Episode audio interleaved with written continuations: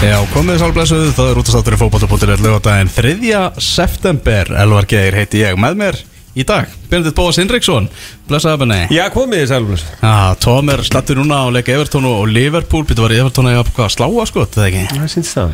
Já, hvorki meirinni minna. Það er 0-0 þar eftir 34 mínútur. Rúmar, einnig hérna með okkur í, í þettinum í dag. Orri Freyr Rúnarsson, komin aftur á exið Alltaf gott að vera hér Já, Heldur betur fyrir mútafsmaður á exinu Hvað varst þið hérna lengi? Vá, ég manna ekki, það voru ansi mörg ár sko. Já, Fjögur, fjögur, fimm ára örgla ekki gott að vera mættur aftur við, við hljónumann Jú, þetta er alltaf, alltaf voða fínt sko. Já, Vera með svona neonlita X-logo fyrir fram að sig. Já, nokkvæmlega Þú hérna komst nú aðeins við á, á, á Rástöðu Jú, jú, í, í sportrásinni Þannig að ert með sportið á hreinu ég vona það. Algjörlega.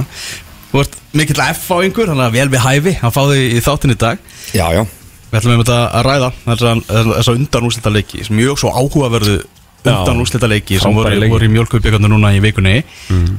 fara aðeins yfir frétti vikuna skoða næstu umferði í bestu deildinni. Alltaf mötni að fara í ennska boltan fara aðeins í, í, í gluggadaginn og þessa umferð sem var núna í gangi og svo ætlum við að fá uh, Kristján Allar Ragnarsson hérna á línuna setna í þættinum. Hann er að fylgjast gömgefilega með leik Evertón og, og Liverpool og ætlar að gefa okkur skýslu úr þeim leik.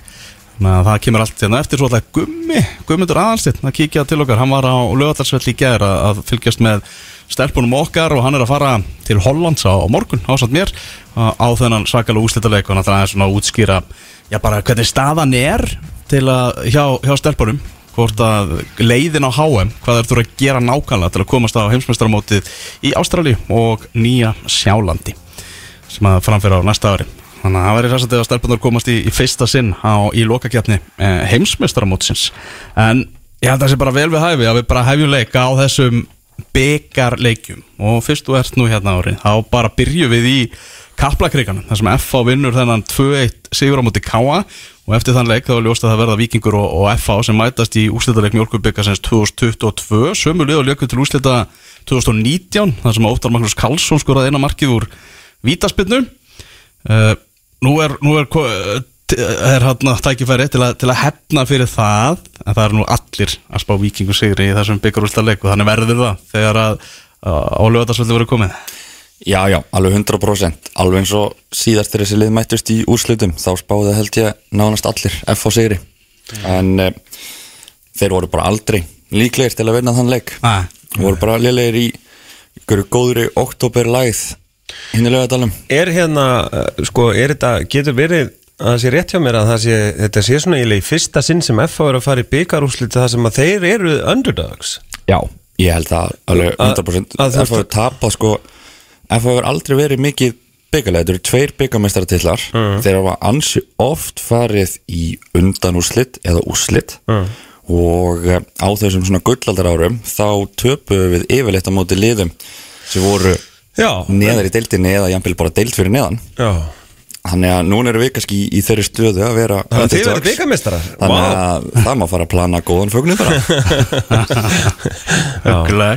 Hérna, þessi leikur uh, sko uh, hádramatískur leikur nánast bannaður innan 12 og þetta var þú veist það er einhvern veginn Ef við byrjum bara á byrjunni bara, já, kannski en það er, er byrjunin fyrstu, fyrstu 65 mínútunar er nú svona það var bara svona stöðbarta og, og svona. Já, það voru frekar svona tíðenda litlar. Kemur þetta mark á 18. mínútu sem að, sem að Elvar Átni skorar fyrir, fyrir Káa og svo uh, fáði tækifæri einni í fyrri hálfleik en það fá dauðafæri það sveit margir skallar hérna framhjá. 1-0 fyrir Káa í hálfleik og, og ég talaði nú við Hallgrim Jónasson aðstofað þjálfara Káa eftir leik og hann sagði það að menn hefði verið að tala um það bara í hálfleik Káa menn að þeir voru ekki ánaði með spilamennskuna sína og, og vildu bæta hana í, í setni hálfleik, rættu það í hálfleik en það dugði ekki, þeir náðu ekki að bæta leiksin eftir, eftir hlýja Nei, ég held að bæði lið það hefur verið bara svona örglega frekar óanæð í hálfleik. Þetta var eins og þið segið svona afskaplega tíðindalítið. Þetta var rosalega mikil stöðu bara átta Bæði lið voru með bara nokkuð þjættan varnarleik. Og eins og Eiður Smári sagði að hann hefði rætt við sína leikmenn í hálfleika þeir ættu kannski flott að vera dölur í vörninni en kannski ekki öll áherslun á það. Já. Lennon og Ólefur voru komin mjög neðalega völlin að hjálpa til hann að markmiði setna hálfleik var að íta F-liðinu framar á völlin og, og reyna að pinna káamenn það aðeins niður og mér fannst það vera að ganga ágætlega. Mér fannst svona eins og Arnar Gunnlaugs hefur sagt pendullin var farin að sveiflast fannst mér fyrir Ah. rauðarspjaldið sko. Já, það var svona sóknir F voru loksins farnar að þingjast þá án þess að skapa sér kannski hættileg færi. Það var þetta svona daldið næstum því fram að því. Mhm Svo kemur þetta vendipunktuleiksins á 70. mínútu leiksins. Já, Prófessorinn sjálfur Brian Vanden Boga Ert bara guðminn almáttugur sko fær hann að setja annað gulaspjald þetta er fyrra gulaspjaldi hans er fyrir að hlaupa eitthvað að dómaranum eftir að káa fjekk aukaspilnu sko. Káði fyrir augarsminni og gult spjald. Já, ég veit ekki hvort það voru byggð með raukt spjald því þetta var aldrei nokkuð tíman raukt á Björn Daniel já, þetta var svona tæft gult. Já, já.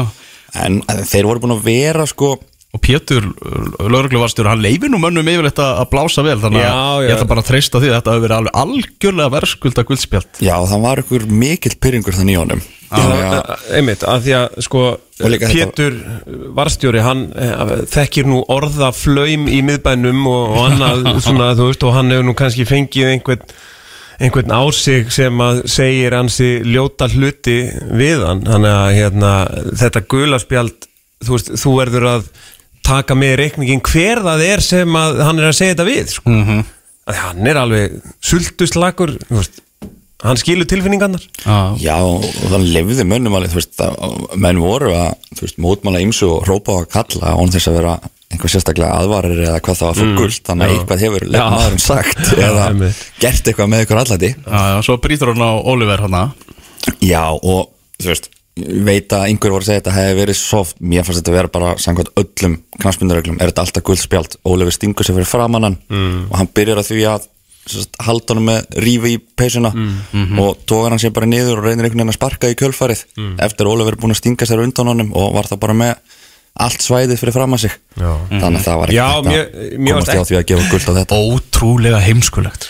Galið sko. Ég- Hvernig alltaf hann sé, hafi, þú veist, bara Hann bara hann að leik Algjörlega, Já, já, bara fyrir- fyrir flugilin á KR. leiðinni heim sko. þú veist, Guð hjálp, Arnar lítur á að sest liðin á honum sko. Já, já. bara, heyrðu, við þurfum aðeins að fara yfir þetta Ég held að hann sé ekkert að 20 láta sjá mínútur. hann sig vil láta hann keira kvalfyrðin Já, það er svoð á Arnari Gretarsson eftir þetta í, í garðis á leikmanns hann, hann er ekki látið sjá sig á almanna færi á bautanum á Akureyri núna síðustu daga held ég sko. það að því að svo náttúrulega átti Úlfur sem á þann að skalla hann í slá bara úr aukarspöndinu sem kemur í, í. Já, náttúrulega sko fram að þessu hafði þið bara F á valla fengið teljandi færi? Nei, þetta var búin að vera svona síðasta sending dálítið að klikka en náttúrulega mm. káamenn bara ótrúlega þjettir og bara frábært lið í vörn mjög erfitt að brjóta það bakaftur en þetta hafðist. Þetta hafðist. Höfum óks ásmegin eftir þetta, þetta rauðarspjald og Oliver Heiðarsson sem að jafnar hann að leikin hitti boltan nýtt ekki. með skoti, sett hann í fjær Það er helviti þægilegt að hitt ekki boltan er samt skora, hann, hann lága hann í netinu, svo kemur uh, Davis Nær og náttúrulega hann kom inn á sem varamæður, fær þetta vítis sem að sem er mjög svipað eins og setna gula sem þetta er aftur að alltaf reyna að skíla boltanum.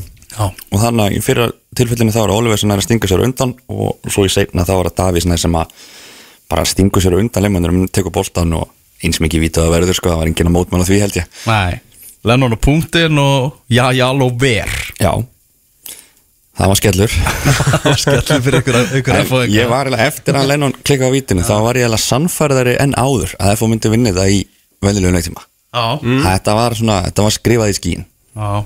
Ég var að búa með undir framlegginguna þegar Davís Nær smelt hittir boltan þarna, já, já, alveg reyndar í, í boltanum en, en nær ekki að verja.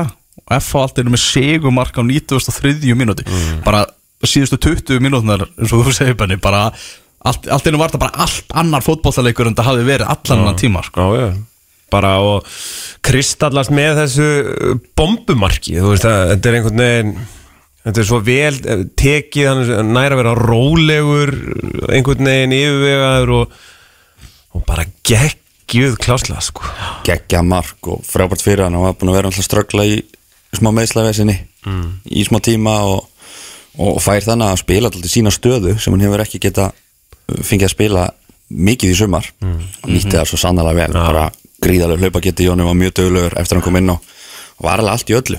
Já, já, það var bara uh, já, svo er flötið til leiksloka og, party on, Já, party on. í beinni springur. útsendingu og, og hérna Jú, jú.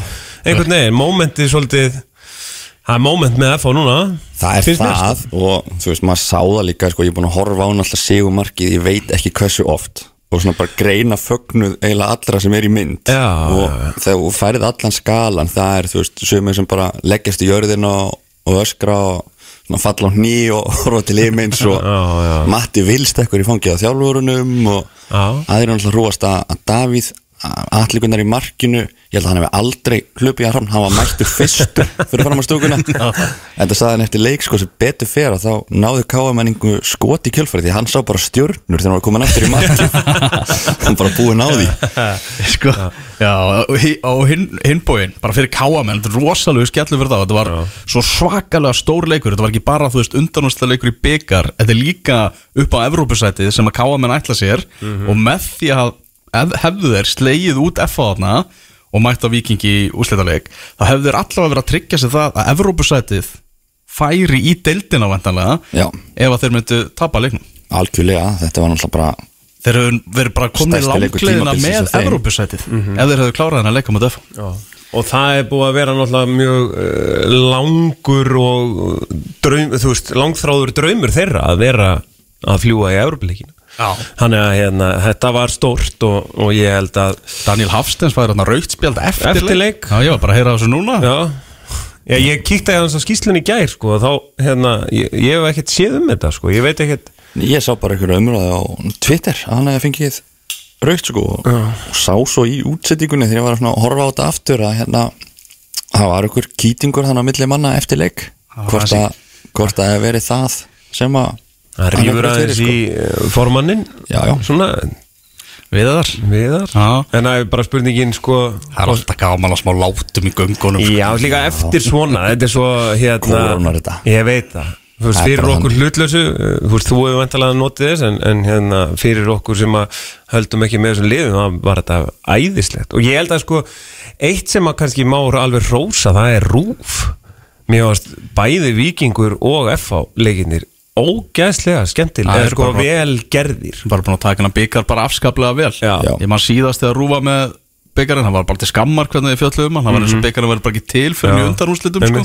Það erum búin að gera þetta mjög vel núna Já, mér varst þessi tvei leikir alveg frábæri sko. frábært ég, mér náttúrulega hefur unnið talsveit með þannig íþrótta til rúf og, og það er bara sneisa fullt af fagfólki þar þannig að Mhm. þetta var bara ótrúlega vel list hjá þeim og bara virkilega eins og þið segið, flottar útsendingar Já, líka bara hérna að það svona þú veist, þetta slowcam hanna mér varst það það er helviti gott, sko. Ég hefði reyndar vilja hafa báða leiki á aðal rásinni, Já, ég samanlega því. Ekki á rúf 2 Já, Já, algjörlega. Mér finnst það svona þegar þú ert komin í undanúrslit þá má alveg henda Derrick eða hvað það er hana eitthvað annað. Ég er alveg samanlega því. Það var með landsleikin í gær það, þeir sem vilja sjá sinfónu hljómsveitina, þeir eru í Eldborg. Já, já, Það er hann að horfa já. Hvað hérna En, en um þetta moment F á aðeins, þú veist, að, hérna, eh, ég meina það er bara búið að vera allt, það var allt í volli einhvern veginn, síðan er haldinn hann einhver samstöðu fundur sem að virðist, já bara taka pendulin og svo veiplunum í hinn áttina því að það er bara blúsandi gangur. Já, ég held að veri bara Glimtu þið bara aðeins svona grunngildum með hvað, hvað var það sem að, Ég held bara, sko ég veit ekki hvað það er nákvæmlega en nei annars hefði nú væntalega verið búið að laga. búið að laga. ekki? en FH náttúrulega má ekki glema því að við erum búin að vinna eina byggarinn í búið til þessa. Mm. deildabyggarmeistarar, Já, komið titil. Og það voru urðu til miklar væntingar í kriganum auðvitað miklar væntingar og liða ætla þessi bara farin í móti og berjast um Íslandsmeistaratitil og það datt engum í hug held ég að spá FH í neðri hluta deildarinnar eftir þetta þessu verið skipt í tvent mm -hmm. vissulega erfitt prógram í byrjun. Það er vikingur breyðableik og valur þessi þrjú lið í fyrstu fjórum leikjunum árangurinn á þeim leikjum var bara lilvið, þetta voru með fjögur stig að ég held. Svo koma þannig bara töp í kjölfarið og þá held ég að það sé bara orðið ég mögulega erfitt, þú veist leikmenn sem eru búin að vera inn í einhver ár kannski orðinir eldri, þeir ætla að vera þannig að þetta tímabil til að berjast um titil. E, yngri leikmenn sem koma inn í liðið, þú veist, allt í hennu finna þeir fyrir pressun að spila með stóru liði á bara svona vondanhátt mm. að þú veist, það er bara svona rosalega neikvæð umræða. Og upplifa mögulega bara að aðdáðundur séu að telja að segja að þeir séu ekki nóg góðir fyrir að spila með FA og það var bara léleg stemning á leikjum. Það var, voru fáir að mæta. Þeir sem mættu það heyrðist ekkert í þeim. Og þetta var bara svona fórökunin allt niður á við. Og svo var líka bara það FA átti oft fína spretti í mörgum leikjum. En þessi sprettir urðu 20 mínútur, 30 mínútur kannski 40 mínútur. Það náðist aldrei einhvern veginn að tengja þetta saman í heilan leik. Og svo var kannski bara svona ákveðin botn þannig í eigum ég var nú á þeim leik og það var bara fullur bátur af F-áfengum sem fóru til eiga svo mæti, mæti allir völlin og við svona öll bara dreifðum okkur einhvern veginn um stúkuna og engin stemning og hræðilegu leikur, bara engin barátt í liðinu og, og þá var svona talað að þyrst að gera eitthvað. Og þá var bara Fjögur ákveða eitt skellur þar. Fyrir skellur og einmitt bara svona orðið hvað 2-0 eftir tímindur eða eitthvað áleika þannig að það var ákveða að kalla þannig smá svona bara fund og bara leifa aðdáðundum að koma saman og hérna þjálfurunum aðeins að bara útskýra hvað er planið og þú veist hvað er í gangi og, og þeir sögðu einmitt bara að það er kannski bara F-fóttir en getur verið bara þung þegar það gengur illa en ég held að það hefur verið rosalega góða fundur. Var, við vorum að hafa ágjörð því þú veist ok, að mæta 10 núna og kannski mæta 20 ef við gerum þetta næst en, en við hefðum ekki getað komið einum í viðbót inn í sjónarhól það var gjörsamlega pakkað. Og Eiður og Sigurvin bara útskýru þetta rosalega vel og fór bara yfir hvað þeir eru að gera með liðið. E, Davíð Þór Viðarsson var hann líka og útskýraði svona kannski fyrir hönd stjórnar og, og Valdi var líka svo sem hana. Þannig að og það kom í ljós bara sem fundi hvað er mikil samstæði í félaginu. Mm. og það voru bara svona allir tilbúinir að þú veist, gera eitthvað. Já, bara, og það var spurt bara hvað geti gert? Já, og þú veist, það var náttúrulega bara ákveða og svo var náttúrulega alltaf þannig svona þjætta aðeins hópin, bara gott pubquiz og smá bjór og, og hafa gaman. Mm. svo kemur hann á mánudagskvöldunni, leikurinn móti Keflavík. Mm -hmm. grillaða pulsur, grillaðir hambúrgarar og, og pítsur og, og hérna við vorum svona hvetja fólk til að vera í kvítu og FA-varningi og það rókseldist FA-varningur okay. þessu leik og þetta er langt besta mætingin sem hefur verið í í sumar. Mm.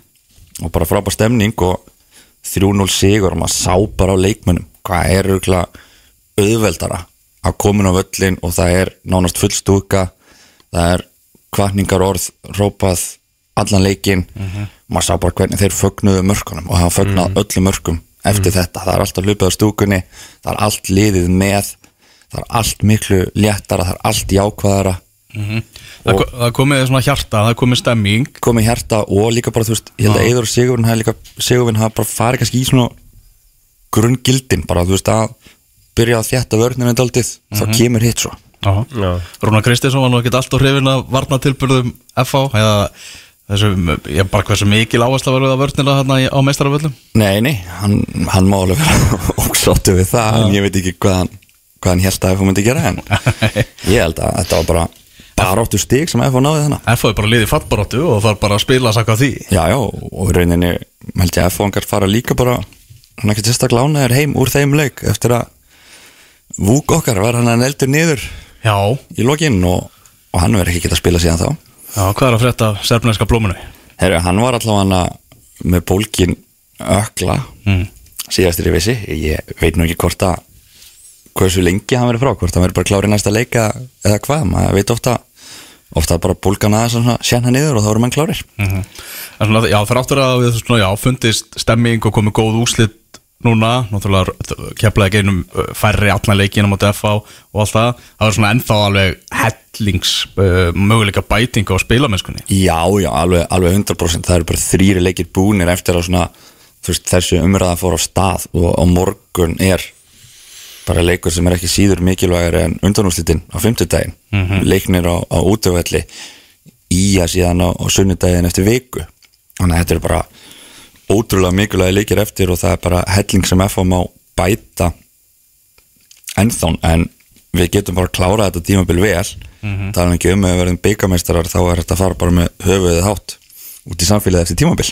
Já, það er alltaf að, fara að byrta til í gaflæklega að róta að segja það. Já, nú betur. sólinn skín og, og, og geislarnir jafnvel snerta kaflakarikan, sko. Já, þessi leikur, byggarústaleikurinn verður fyrsta oktober, eins og það segir. Uh, vikingarnir þeir mættu blikum uh, daginn fyrir leik, þá var búið til fréttamælafundar í vikinni þar sem að tilkynnt var um nýjan samning og Arna Gunnlaugsson og þannig að svona vikingarnir ádæla upp fjölmiðlana þarna fyrir leikin og, og komið sér heldur betur í, í, í sviðsljósið og mættu það verðist einhvern veginn hafa fyllt þeim inn á völlin þeir mættu ekki eðlilega peppaðir inn að leik. Já, bara miklu meira gýraðir og miklu tilbúnari heldur en blikarnir sem áttu engi svör og þessi leiku var bara búinn eftir 20 mínútur Já, það var uh, Eiginlega talandi fyrir, um sko. að vera Já, eiginlega fyrir, talandi um að vera sko á hælunum það, hérna, þegar blikarnir voru bara ekkert smá skrítnir þessar 20 mínútur sko. Því að hérna, fyrsta markið þá er hérna e, þá er svona Anton Ari ætlar að senda á höskuld aðeins og hár, boltin fyrir innkast. Og höskuldur er ókslega lengi að skila sér. Þannig að vikingur tekur bara veist, á binna. Og hann einhvern veginn þá á auðum sjó og höskuldur ekki ennþá að skila sér. Ah. og svo kemur fyrirgjöfin og mark eða, eða hendi eða e, sjálfsmark eða eitthvað sko. Mark allavega. Mark varða. E, mark með tvö það er hann að þeirra Pablo neglir fyrir og einhvern veginn hann siglir í gegnum alla vörnina. Mjög skrítið blikamoment sko. E, og þriða markið er gjöf og þá ertu bara allt í einu það eru, það eru 70 myndur eftir og þrjúnu lundir veist, eftir það náttúrulega spilaði bara breyðablik sinn leik og En svo var sko það blikar nokkru sinnum í viðbúti leiknum sem komið sér í vandræði með lélögum sendtökum aftast. Já. Það var svona mjög ólíkt en auðvitað erfitt þú ert komin 3-0 undir og það eru 20 myndir, eftir, nei, og 20 myndir búnar í leiknum. Já, já, þetta bara ég, var- ég var nú með Aron Jó í, í Íþróttavíkun í gær og hérna hann var að segja, þú veist því miður er maður ekki búin að sjá mjög mikið af oft dögum hjá blikum sko þannig að það er svolítið vond að hann hafi komið hann á móti viking sko af því að hann var leikurinn á mánudaginn og ef ég þekki Já. Arnar Gullnarsson rétt að hann er engin betri að spila fjölmiðlarleikin Já. en hann og hann er strax byrjaður sko að þetta er nú gæti nú orðið eini möguleiki þeirra sett vikings á að vinna titil í sumar og að ég held að hann viti alveg hvað hann er að gera. Já, það er að já, setja alla prössuna í kópavóin Það er náttúrulega, ég meina, hugsið ykkur ef að það, hérna, uh, þetta er náttúrulega, hann, hérna, Erlingur kom með þetta, uh, þennan þunga rýting um að, hérna, Við skulum bara hlusta það, ég með þetta hérna. Ok. Þarna ætti þetta í svona leik þannig að við að sjálfsög droppum aðeins niður og gerðum það bara mjög vel hans mér Já, Erlingur Ragnarsson í vitali við Rú uh, leikinn. var, var þetta svona, var, var einhver hendarhugur í ykkur? uh, Já, sjálfsög sjálfsög þeir eru búin að pökka okkur saman í hérna fyrir leiknum í deildinu og voru betri en við í hérna setna leiknum þannig að já, klálega Hvað áhrif heldur þetta hafi á, á bestu dildina? Heldur að, að hérna uh, andlega hliðin hjá blikum sé eitthvað, eitthvað broti núna? Já, það kemur ekkit óvart sko svona með hvernig þeir eru búin að vera í gennum tíðina þá gæti þið fara að brotna eitthvað núna Já, það er Ragnarsson Já, sko. Blikar hata þessu bræði mm. -hmm. Gjósalega hata hana Ég talaði við félagið minn sem er að vinna með blikum og þeir voru bara sauð á þeim daginn eftir leik bara út af þessum ummálum hjá Erlingi Agnarssoni Mhm. að, að svona, já og hugafarið hjá, hjá blikum sé svona þeirra helsti óvinnur Já. Eh, Þetta er umræða sem er alltaf koma upp Já, já, aftur og, og aftur. og ég meina, hugsið ykkur það að á mánudaginn ef að, hérna, uh, ekki ef, við vinnum þann leik við valsmenn, að hérna, þá munum nú allar hyrslur og, og bara allt fara að titra því að hvernig verður umræðan í heila vikun annars? Já. hún verður þannig að uh, hausinn sé farinn og þeir séu bara frábærir í tíu mánuða ári en ekki la la la og hérna og allt þetta Svo er hérna eh, það sem að Arnar sagði á blaðmannafundunum, þú veist, gefðu mér þetta í niður, kontum, um, þú veist, leiðu mér að fá fjögur til sex stig eða eitthvað, game on, sko, í úslitakefninni, að því að hvernig verður umræðin í úslitakefninni? Að því að hún verður þannig að blikar hafa ekki hausinn. Já. Þetta verður bara umræðan, það er alveg sama hversu mikið þetta fyrir þeim, þetta verður umræðan, sko. Já, líka að því að það vita allir hvað þetta fer mikið í þeim Algjörlega. stuðningsmenn allra hinn að liða við erum sko fara hamfur í að halda þessar umræða á lofti Já, já, já. En þetta er sko Arna Gunnlaugsson versus Óskar Rapp bara það er ógeðslega gaman bara fyrir fótbolta og fólk að fylgjast með þessari rimmu bara að tveggja bestu liða landsins. Og þegar þessi liður að mætast þá er þetta svo mikil skák. Þeir eru svo mikið að reyna að koma hverju öðrum á óvart og, og það er þú veist, sálfræði stríði í gangi. Þetta minnum, þetta er bara svona okkar útgáfi einhvern veginn að bara Sir Alex Ferguson Arsene Wenger Já, bara á sínu tíma sko. Algjörlega. Ég veit ekki hvori hvað þar en, en algjörlega þetta verður bara þetta verður það ættil að vera bara viðtul við þá báða fyrir alla leiki í dildinni bara, bara hvað áhrif við markatalinn í þessu leika á ykkur og svo framvegis sko, því að þeir eru geggjaðir í að svara fyrir sín lið sko. Heldur betur sko. þetta er svakalegt að, með því að þeir séu svona hver hefur trúað því bara fyrir nokkrum árum síðan að þetta er það einhvern veginn svona turnandi tveir sem var að kljást Já. í, í, í deildinni sko. svo er Arn, finnst Arnar alltaf verið með svo skemmtilegt viðhor, hann segir bara öll svona umræða er svo góð fyrir fótboltan þannig að hann er fyrir svo gaman að taka þátt í þessu. Já, já. Þarna Karl Friðilöfur sem að þarna svona var mjög áberandi í þessum leik náttúrulega seldur frá breyðabliki í Viking og hann fór ekkert í of góðu svona meða við allavega svona hvernig hann fagnaði og, og allt hann það er eitthvað svona það er eitthvað kerkja þarna innst inni sem hann svona leisti út hann Ég hefði alveg viljað hafa mæka honum hann þegar hann var að rópa eitthvað á bekkin sko. Já, ég hefði viljað hafa hérna, eins og við vorum nú að hrósa rúf á hann það hefði verið geggjað ef það hefði verið hljónimi á hlaupabreitinni hann rétt fyrir framann og að, hvað er þetta, numið allt sem hann sagði. Svo Kristall í að Já, þarna, þú veist, þeir seldu hann bara. Þetta er þessi, þessi unga kynslu hún Já, er geggið sko er hérna. Mér var stundar Óskar Hems og svara bara þessu vel í villum með líkins að rósaði bara Kallið hvað hann væri Já, flottur strókur ég meina, hérna, þú veist, ég meina, og Arnar gerða líka, ég meina, það eru tilfinningar í þessu, Arnar hafði lúmst gaman að viðkendalega, þú veist, skilur Já, já, það er nú ekki langt síðan að hann var sjálfur hann á öskrandi og bolta að gera á Já. sama velli þannig að það verður að vera til það verður að vera hitti til þess að bara, og hérna, og það var bara ógæðslega gaman að sjá, þú veist, að þetta var, þetta var sko frá, frábært mark hjá Karli Friðlefi, við skulum ekki taka það á honum, þetta var ekkit eitthvað, þetta var svona Trent Alexander Arnold mark, sko, og svo bara, þú veist, þegar maður sá það og einhvern veginn, og svona, auð, 2-0, auð, þú veist, og svo byrjar hann bara að taka sprettin og öskra eitthvað og maður sér það, sko, þú veist, maður er bara, djúvel er þetta geggja, sko. Já, það er svolítið leiðið að hafa sko Tómas Þór ekki hérna varðandi Kyle McLagan þar sem hann lísti nú yfir fyrir viku síðan hann væri alveg bara að gefast upp á. Já. en Kyle McLagan spilaði bara sem besta leik fyrir Viking í þessum leika móti breyðabliki Já, hann var bara frábær. Bara það fór ekkert í gegnum hann. Hann og Oliver Egroth voru báði geggjaðir í svona leik. Og ég veit ekki hvort að hvort að Tom sé sko sammálokkur en Hann er upptekið núna hann er upptekinn við, við annað. Hann séð þann leik erfitt fyrir hann að fara að breyta um skoðun á þessu núna. Já, við horfum á bara veist þessi tvö lið og bara svona verkefni sem er framöndan hjá þeim. Uh, blikarnir þurfa að fara að fá ykkur af meðslalistanum, það er alveg klárt mál. Og aðtækulega tala um það að þetta að veikja miðjuna til þess að fá menn til að leysa af í bakvörðunum og, og allt þannig, þetta er rosalega einhvern veginn þunnskipað og púsluspil og menn að spila út af stöðum en hann er rósað sínu leikmennum, skiljanlega, þeir eru búin að leysa þetta alveg fáránlega vel. Já. Bara Já, já. hvernig þeir eru búin að harka í gegnum alla þessa leikjatörn þetta þunnskipaðir?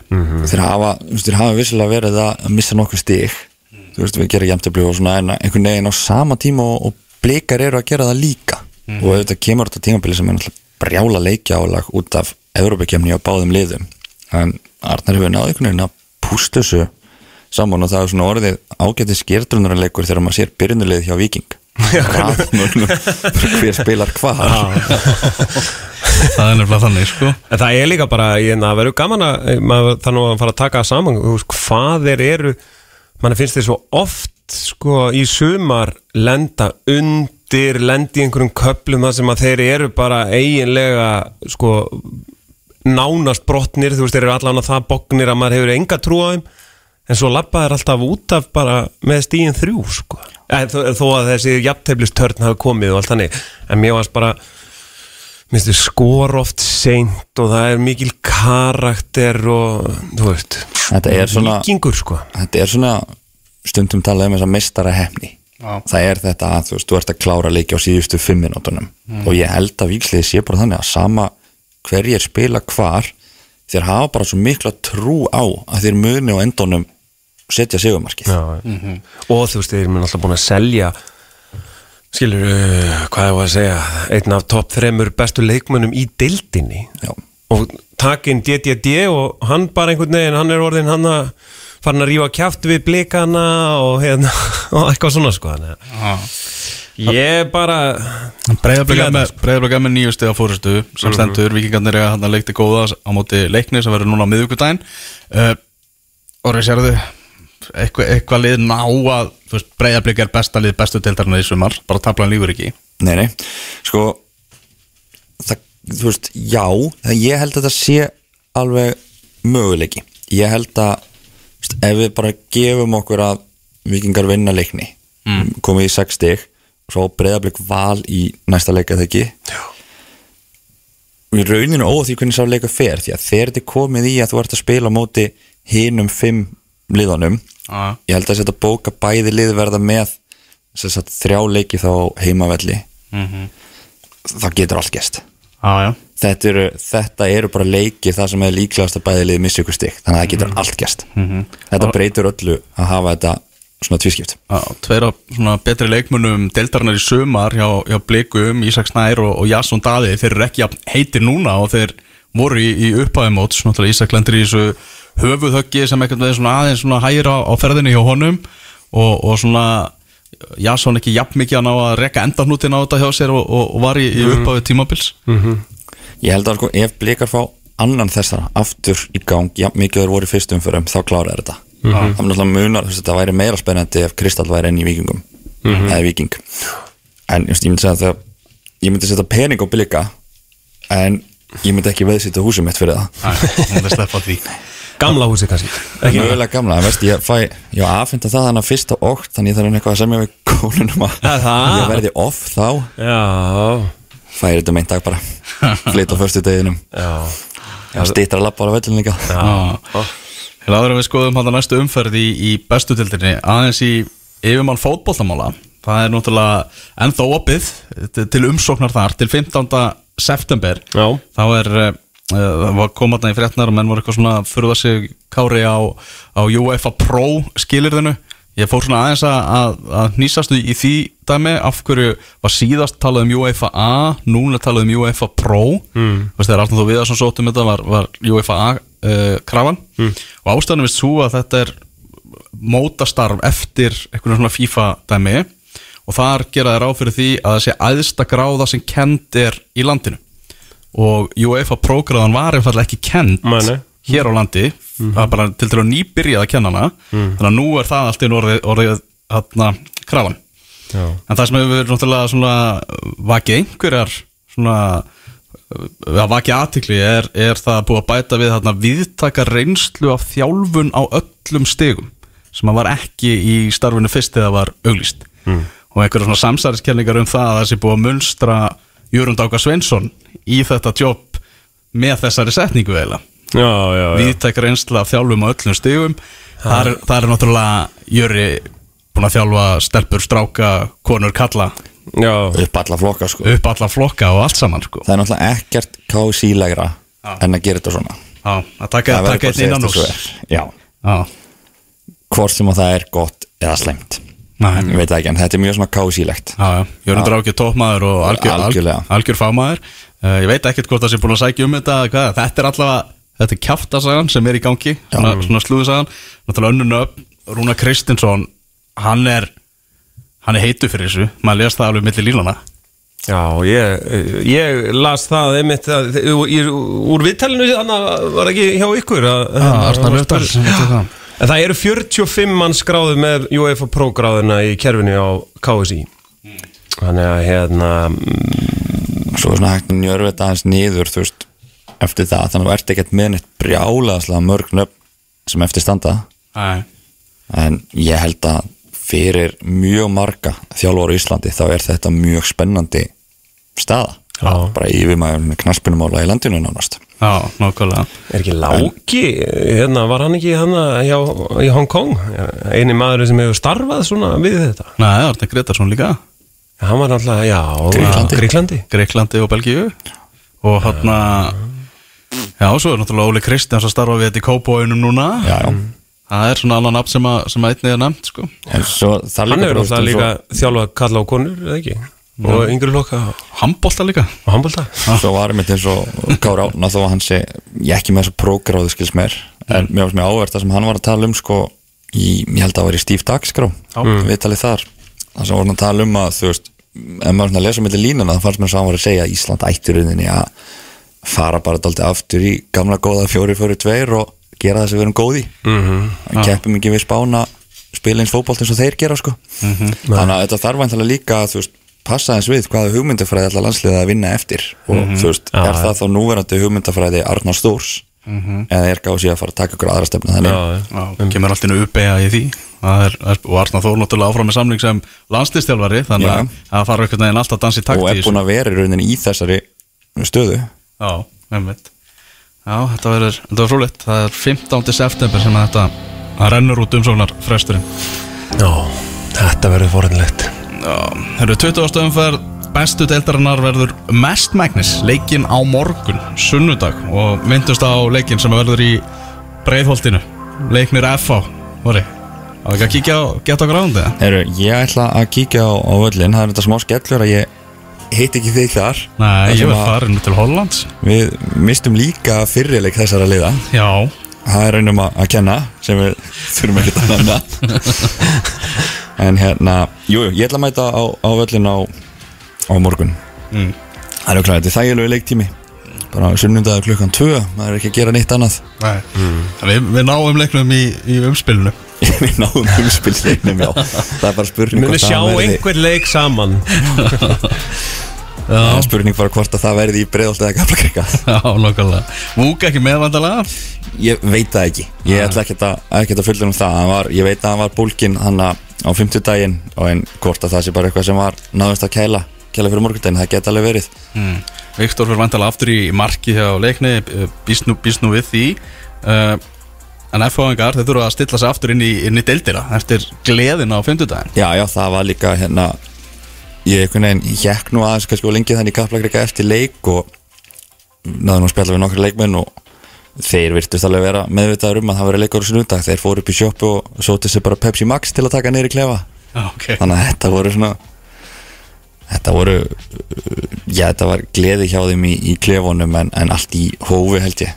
En ég get alveg trúa að það sko eður og venni verðast hafa daldið nelt niður þetta byrjunalið Já. sem er búin að spila núna allavega síðustu þrjá leiki að mestu óbreytt. En uh, það kemur óvart ef þeir geta stilt upp sama liði að því að þetta eru bara það er svo stutt á milli. Og eftir svona high power leik þá er erfitt kannski fyrir marga sem eru 34-5 að vera orðnir alveg 100% í aðra 90 mínútur. Og þá er bara fínt. Við erum með fullt af, fullt af flottum mönnum á bekkna sem geta komið inn. Davíð er náttúrulega kemur alveg óvart ef hann er ekki í byrjunarliðinu á sundaginn eftir þess að frábæru innkomi Nákvæmlega, frábær. Maður leiksins uh, Einnig klukkan 2 á morgun þá er Víkingur IBVF Mun Andri Rúnar skora á móti Víkingur menni Uh, já, hann mun skora eitt uh, en þetta er uh, góður fjögur eitt sigur vikinga í miður fyrir eiga peja Já, samanlega því ári Já, ég, ég held að fjögur eitt sé bara góð tala hjá benna. Já. Þegar svo verður hörkuleikur í Úlfarsáldal þar sem að fram mætir Káa Dúsan snýr vandalega aftur í, í vörðinni á Káa í, í þessum leik var ekki með í kriganum vegna meðsla uh, Þarna þurfa bara Káa menn að að svara eftir tvo mjög svo slæma tapleikir tapa þarna þessum toppslag fyrir norðan á móti vikingi það sem allir er að tala um nú er tækifæri til að sína það mm -hmm. að þeir geti kæft á mótið en bestu tapa séðan undanústæðleiknum í byggarnum og er að fara bara á einn erfiðasta útivöllin á landin í dag. Já, og, Já, ekki gleyma þeir náttúrulega káa þrjústu þrý leikinir eru náttúrulega fram breyðablík valur sko. og þeir missa hvað er ekki elvaráni sem er mittur út af á fymtudaginn og hvað sko, rautt í byggar fylgir ekki í deildi það? Nei, þannig að þeir eru svo sem ekki án Daniel Hafsteins þá. En ég kemur ekkert óvart þegar fram tekur 1-0 sigur þannig Já, ég bara, ég horfði á uh, framara gegn mínum mönnum í val ná þar dramatísku jættefli og, og þeir voru nú bara helviti góðir sko. Og þeir hafa bara líka Þeir eru bara frábæri á heimavelli sko. Ég hitti einmitt Þorkil Gunnar framara hérna á 50 daginn og hann var að tala um að hvað er bara ótrúlega skemmtileg og jákvæð stemning á þessum nýja heimavelli þeirra? Bara fullt af fólki sem mætir og bara mikil gleði og það verður ekki tapað einum leik eftir að fluttu ákvæð jú það er eitthvað þannig. Ég sko, við vorum hann í stúkunni í hérna, Valur uh, fram og þú veist, það eru bara það er ógæslega gaman að, að bara hafa þá, sko, þú veist að því að þú veist, Valur fram bara fyrir þreymur árum eða eitthvað, sko, þú veist, það hefði alltaf verið bara veist, jarðaföru á- e, meðal þeirra en þeir voru með langbesta trommuleikara stuðningsmanna trommuleikara í heimi sem sló taktinn og þeir sungu og trölluðu með sko. Ég held bara hérna, ég held að káa sé ekkit að fara að vaða þarna og sækja þrjú stig mjög öðvöldlega Nei, og svo bara, þú veist ef þetta er einhvern veginn, þú veist, rétt að káamenn voru að fá okkur rauðspjald eftir leik og eitthvað á fimmtudaginn bara þá er bara erfitt að stilla sig af aftur, Já, en það er verkefni hjá Arnari að gera það. Og það tala um leikbönn hérna uh, bökkum aðeins í, í Vikingi BF aftur það verða Pablo Puniet og Erningur Ragnarsson báður í banni hjá Vikingi í þeim þá er þetta þrjú eitt. Breytast í þrjú Heyrðu, það er síðan Ía Káer á Norðurálsvellinum mm. einni klukkan 5 eins og, eins og leikur fram og, og Káa já. Þrjú þrjú munið til þeim leik? Já. Sumar. Þannig að hérna ef við ekki að spá marka leik Já. ég segja bara eitthvað svona 5-2 já, fyrir káir KR þess að fjögur tvö, nei þess að fjögur þrjú. 4-3 fjögur þrjú, ah. fyrir Káer fyrir KR Já, Káer ekki í harðir barátum að vera hérna í efri hlutanum. Er búin að fara núna í gegnum þrjáleiki röð á þess að vinna. Þessi tapleikur á móti leikni, jafntöflið á móti FH og uh, hver var hinn jafntöflið á Keflæk úti Já, ég ætla að segja fjögur þrjú og tvö rauðspjöld Sigurslið, þetta verður Þetta verður hýta leikur sko. Og hvað það að Kjartan Henry fóði marga mínútur? Hann fær Kemur inn á 89. Fyrir viðtal eftir leik. Eru þessu 1915 þá er það Stjarnan Keflavík þar sem að eh, já, Jón Átni Gunnarsson fekk raukt í síðustu umferð og hann verður því í banni á stjórnunni sem að, að fær Keflavík í heimsókn og þetta heldur betur hallar þetta fæti núna allt inn hjá stjórnunni að undarferðinni eftir sigurinn á móti blikunum eða ekki? Jú, síðan hefur 5-1 og það var bara nóg. Já, mótinu lokið. Mótinu lokið hjá þeim. Tökum á okkur skóna og þökkum fyrir okkur við í sæl. Þrýr tapleikir í röð. Já, eru þrýr Já. og sko fram að þessu þá hafðu þeir aldrei tapað tveimur leikjum í röð sko. já, já, áður að þeir tóku, tóku þessar hinnu sko. já. Ég held að, að þeir fari núna bara að reyna þetta En ég ætla að segja 0-0 0-0 Já. Stjarnan Keflavík Okay. Já, það er alveg hægt að hérna, skemmta sér á morgun sko, þú veist að byrja á, á þessum nýju stega leik í breiðoltinu uh, fara svo í Úlfarsárdalinn og enda í Garðabænum. Þríhjóða Já, það geta alveg verið sko. Já. Svo er náttúrulega leikurinn á mánudaginn þínir menn fari, fari í Kópóin engin Patrik Pedersen og Nei, ekki heldur Lasse Petri báðir búin að sapna fjórum gunnum spjöldum og er ekki með. Nei, einmitt. og Óla Jó, Patrik Pedersen er svolítið góður. Þannig að hérna, það er, er missir. Já, já. Ég ætla að fara hann í Kópásbarðið í, í, í Burger og Bjór fyrir og lappa yfir á, lappa á völlin með, með stuðningsmönnum blika. Mm. Það fóru taugatar á, á frömmurum í, í síðasta leik á móti val. Hvað valsmenn voru alltaf einu farnir að tefja.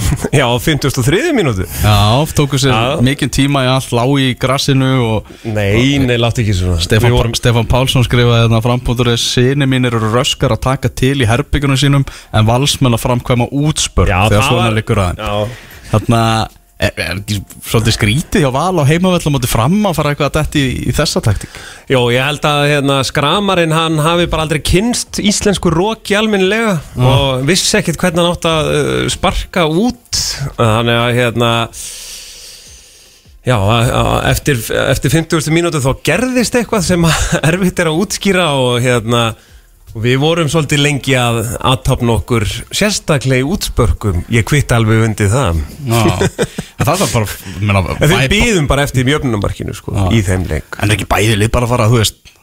Hæ, hæ, við ætlum ykkur þrjú stig í þessu Já, leik og fara gun sækja blazing. til- sækja til sigurs. Já, ég vona, ég vona að þetta verði opið og skemmtilegt og, og, rock solid uh, þú veist, við hefum náttúrulega harma hefna, sko Veist, við, okkur var, við vorum raskjeltir hann í byggandum, sko, þannig að hérna við ætlum ekki að láta það gerast aftur. Þannig að við komum dýruvillusir og uh, vinnum þetta 3-1 Já, Já, ég ætla Ég held að verði erfitt fyrir val að vinna þennan leik sérstaklega án PP frammi.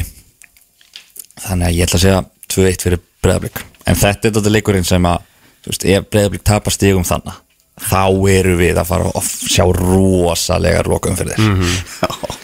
Það er bara þannig Og þá er líka svo skemmtileg umræðan þá verður þá, Ekki fyrir, fyrir græna hluta. Kópavók Stalandi Kópavók, bara til hamingju Háká.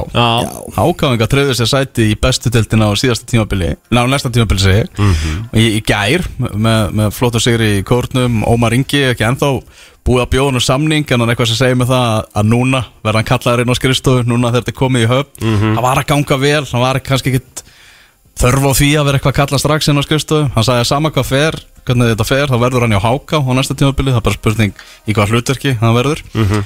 frábæra árangur hjá honum. Já, algjörlega. Þurfum að fara að draga hann hérna inn í, inn í fiskabúrið í viðtal. Já, Já, einhver staðar heyrði ég það að, að hérna, Ómarengi hefði svona bara lúmskan áhuga á því að vera ekki í sviðsljósinu að vera bara uh, maður nummer tvö. Já, Þú veist, væri bara uh, hans hugur væri ekkit endilega komin í að vera aðalþjálfari sko. já Þannig að hérna Það er en, ekki annað hægt að ráða hann eftir þetta. Já, hann er nú bara nei, búin hann að sína hann. Getur sér bara kvittað undir. En bara fínt að þetta sér bara orðið staðfest. Lengjudildin ekkert verið eitthvað sérstaklega skemmtileg Hún er bara búin að vera hundleiðileg lungu ljóst hvaða lið fara upp og hvaða lið fara niður. Liðin sem fóru niður þau fara aftur upp og liðin sem að komu upp fara aftur niður. Mhm. þannig er bara lengjudeldin Já, smá skellur sko að Því að við erum nú að sína þetta á ringbraut og svona að, að síðustu tvær umferðina þá sé svona Jöp Þetta er búið að vera skemmtilegast að deildir síðustu Algjörlega. ár bara sko. Já, og var hún þetta byrjaði svo sem ákveðlega þegar Selfoss alltaf að fara að blanda sér ykkur á baráttu og virt Þeir eru í áttundasætti núna sko. Svo bara, að því þetta er alveg þéttu pakki þannig að þriðja til níunda sæti sko, það er hvað það er en allt annað bara svona verðlust ég bara, ég vil bara núna sjá Kópóksbæ gera eitthvað þó að bara finna einhvern grasbala þannig Kópói sem er þetta að henda tveimu mörgum á og færa háka út úr kórnum. Já. Það er bara með fullri veringu fyrir þessi liði það er ógeðslega leiðilegt að horfa á fótbolt í efstu deild á æfingavelli innan hús Það eru margir að skróta upp sitt núna alla, ekki margir, það eru nokkrir, Nokkrir harðir hákáingar sem að, sem að þóla ekki sömræði og þeir eru að skróta upp og sitt ég myndi ekki þólan ef ég væri hákaðungur sko, þeir eru með fína stöðnismenn og allt það en mér finnst ekki gaman að fara á leikið hana Nei. Nei, ég er bara, ég er bara kvitt undir það. Þannig að áður við förum að taka úr smá hlið og fara í ennska boltan Það er ennþá 0-0 hjá Everton og Liverpool 64. mínúta. Uh, Alfred Fimboðsson Ég til Freysa Til, til Lyngby að gegja. Gegja. Þetta hefur sko, ég hort á flesta leik í Lyngby Núna á tímabilinu. Og liður ekki ennþá búið að vinna leik Þetta búið að vera hrikalega erfitt. Og líka sko, fyrstu leikirnir þá frammistaðan var svo, var klálega til staðar og þeir voru ekki að ná í stíðin sem þeir áttu skilið með að við frammistuðuna. Mm. og eftir því sem að leikið er svona einhvern leikjunum fjölgar og, og sigurinn er ekki að detti í hús að verður þetta alltaf erfiðar og þingra og, og allt það.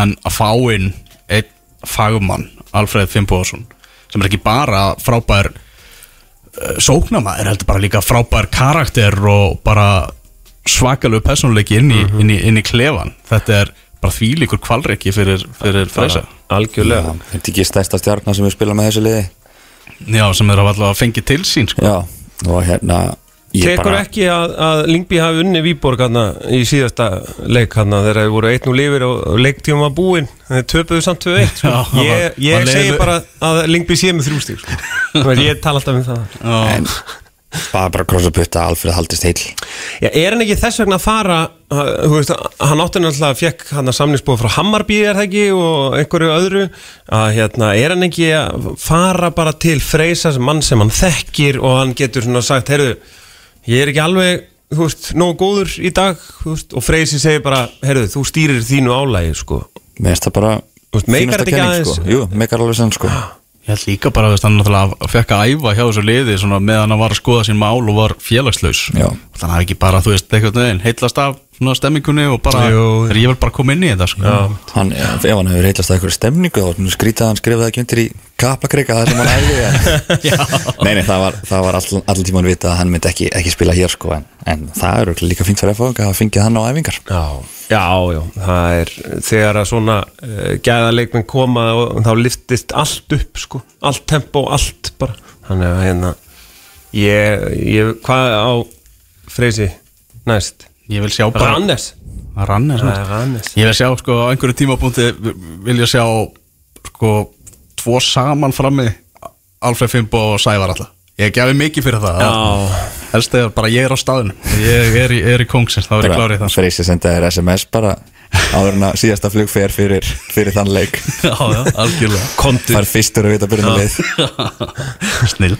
Heyrðu, við ætlum að halda áfram með þáttinn hérna eftir smá stund Við erum búin að leggja íslenska boltanum til hliðar. Eh, Við erum ennþá eftir að fjalla um ennska boltan og við erum ennþá eftir að fjalla um hvernarvarslið Þannig að eh, haldið áfram að hlusta. Þeir eru að hlusta á útastáttin fótbolti.net hér á X977 þannig lögadag það koma setni hlutanum eftir að eh, fjalla um ennska boltanum eftir að eh, fjalla um hvernarlandslið Maður byrja á ennska boltanum, nú er í gangi viðrögn Evertón og, og Liverpool þar sem að Evertónin voru að Já, fagna eins og óðir menn þegar Conor Cody kom boltanum í netið en eftir að reglusteika var tekin á, á loft í, varherbygginu þá var hann rángstæður markið tekið af, Everton 0 Liverpool 0 og það eru svona 72 handakrika mínútur. langstæða Já, þetta var nokkra línur. Já, það þurfti, þurfti smá tíma í þetta og, og einhvern veginn að- þeir fögnuðu allan tíman sem var að vera að skoða þetta. Já, já, þeir voru bara heldur partíð og tóku það séðan tilbaka Það uh, kemur hann ekki á óvart ef að Liverpool myndi ná að krestin einu marki svona á þessum síðustu 20 mínútum sko. Já, og það eru 12 mínútur í að uh, þeir skori no. og sko tryggi sér þessi þrjú stig. Ah, Það er- kemur ekki óvart í ennsku úrvarsleitin í dag annars það er uh, Chelsea Vestham er með að leggja sem verða klukkan 2 og svo er Lundunarslagur það er uh, Tottenham á móti Fulham og uh, svo setna í dag þá er það Aston Villa gegn Manchester City. Og svo er leikið náttúrulega á morgun það sem að já, Manchester United að fara að keppa á móti Arsenal. Voru þínu menn í Manchester United. Já, já, að taka á móti Arsenal. Það horfið til betri vegar hjá United núna. Þrý sigurleikir í röð. Er Erik Den Hag bara búin að finna finna formúluna? Já ekki segja það bara. Bara komið. Gónir þrý sterkir segir að vera samt held ég enn í mínus tveir að þrýr í markatölu en, en já, ég held að það sé bara fínt að toga Arsenal menn aðeins niður á, á jöriðina sko. þeir eru farin að fæja byggaskápin hjá sér. Búin að finna liklan að honum það þarf að kipa þeim aðeins þarna frábær byrjun hjá, hjá Arsenal.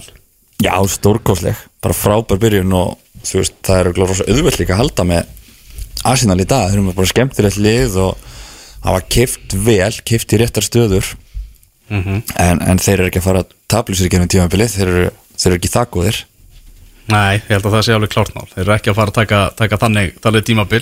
Áttur að sé svona vera að rifja, rifja upp þarna? Nokkuð reglulega. Já, nokkuð reglulega. Þá, þarna, Þetta verður mjög svo áhugaverður leikur. Þetta er, Ég ætla ekki að segja að Arsenal hafi átt létta leik í byrjun en Þetta er búið að vera svona innan gæsalappa þægilegt. Þægilegt sko. Já, Já, já, mjög sko. Já, en mannsestir hefur svo sem ekki dátt erfiðasta prógramið heldur en Nei, mein Næ Eru þau hingað, er, er komin liðstyrkur. Það er Gummi, Guðmundur Aðarsteinn Fréttamaður fótbolta.net, velkomin Gummi. Takk fyrir það, takk fyrir það. Eru þú varst á þarna kvöldvaktinni á gluggadaginn.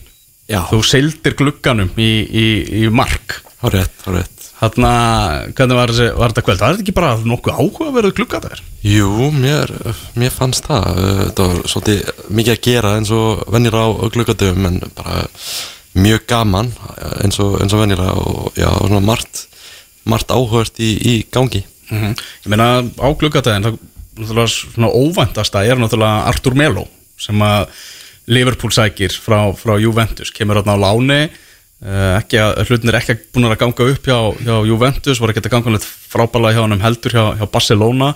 Brasilískur landsliðsmaður.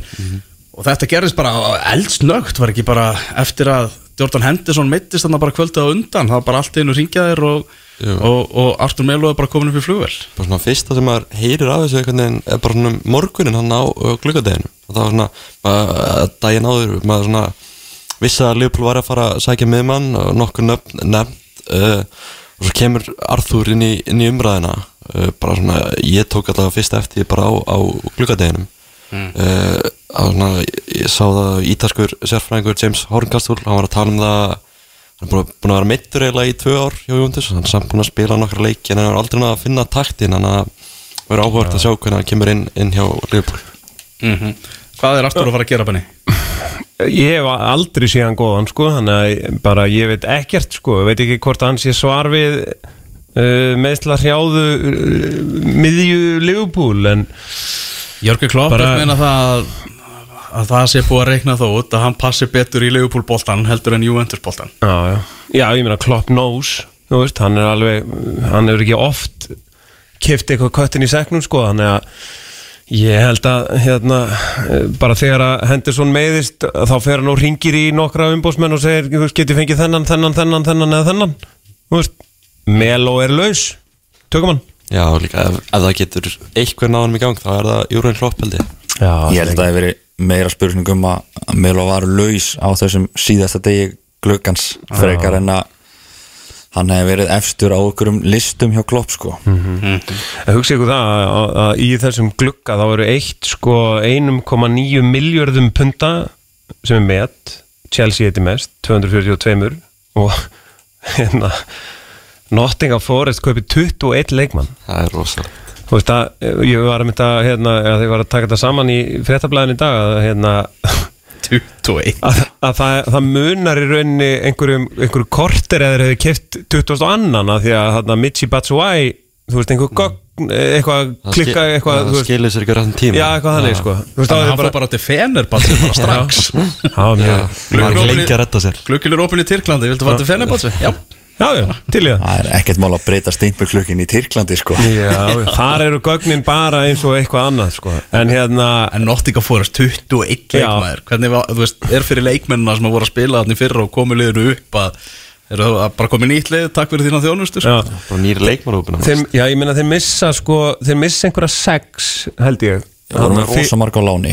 Já, missa einhverja sex það getur verið sjö jafnvel sko. Að, þú veist, freka, segjum bara sjö þú veist, og allt er góð með það þá eru samt helviti margir eftir sko og hérna og þú bara tekur sjö nei, tekur 21 leikmann inn Það er alveg bila sko. Það er bara Skemmtilega, þetta er náttúrulega sami gæjó á Olympiakos. Og það var náttúrulega um að það var þannig að þeir voru að kaupa leikmenn á hverjum degi þanga til að Olympiakos datt út úr hana undankenni mestaradildarinnar þá kom þryggja fyrir þetta hlýja hann var ekki að svara neinum síðan svo mætti hann aftur og Smá erfið þetta. En hvað haldið þið með eins og Antoni, hann er með, þú veist, bara því að hann er í Ajax, að ég í tvö ár, 17 mörg, þetta er þetta er ekkert, veist, ég er ekki búin að horfa mikið á Ajax, ég viðurkenni það alveg, en þú veist, Gjaldkjörin hjá Ajax Lítur að vera ansi ánæður með peningana sem er að koma, koma inn Þannig að fara Manchester United. Já, hefði líka geta verið meira þannig undir lokinu Chelsea var að reyna að kaupa Edson Alvarez hann á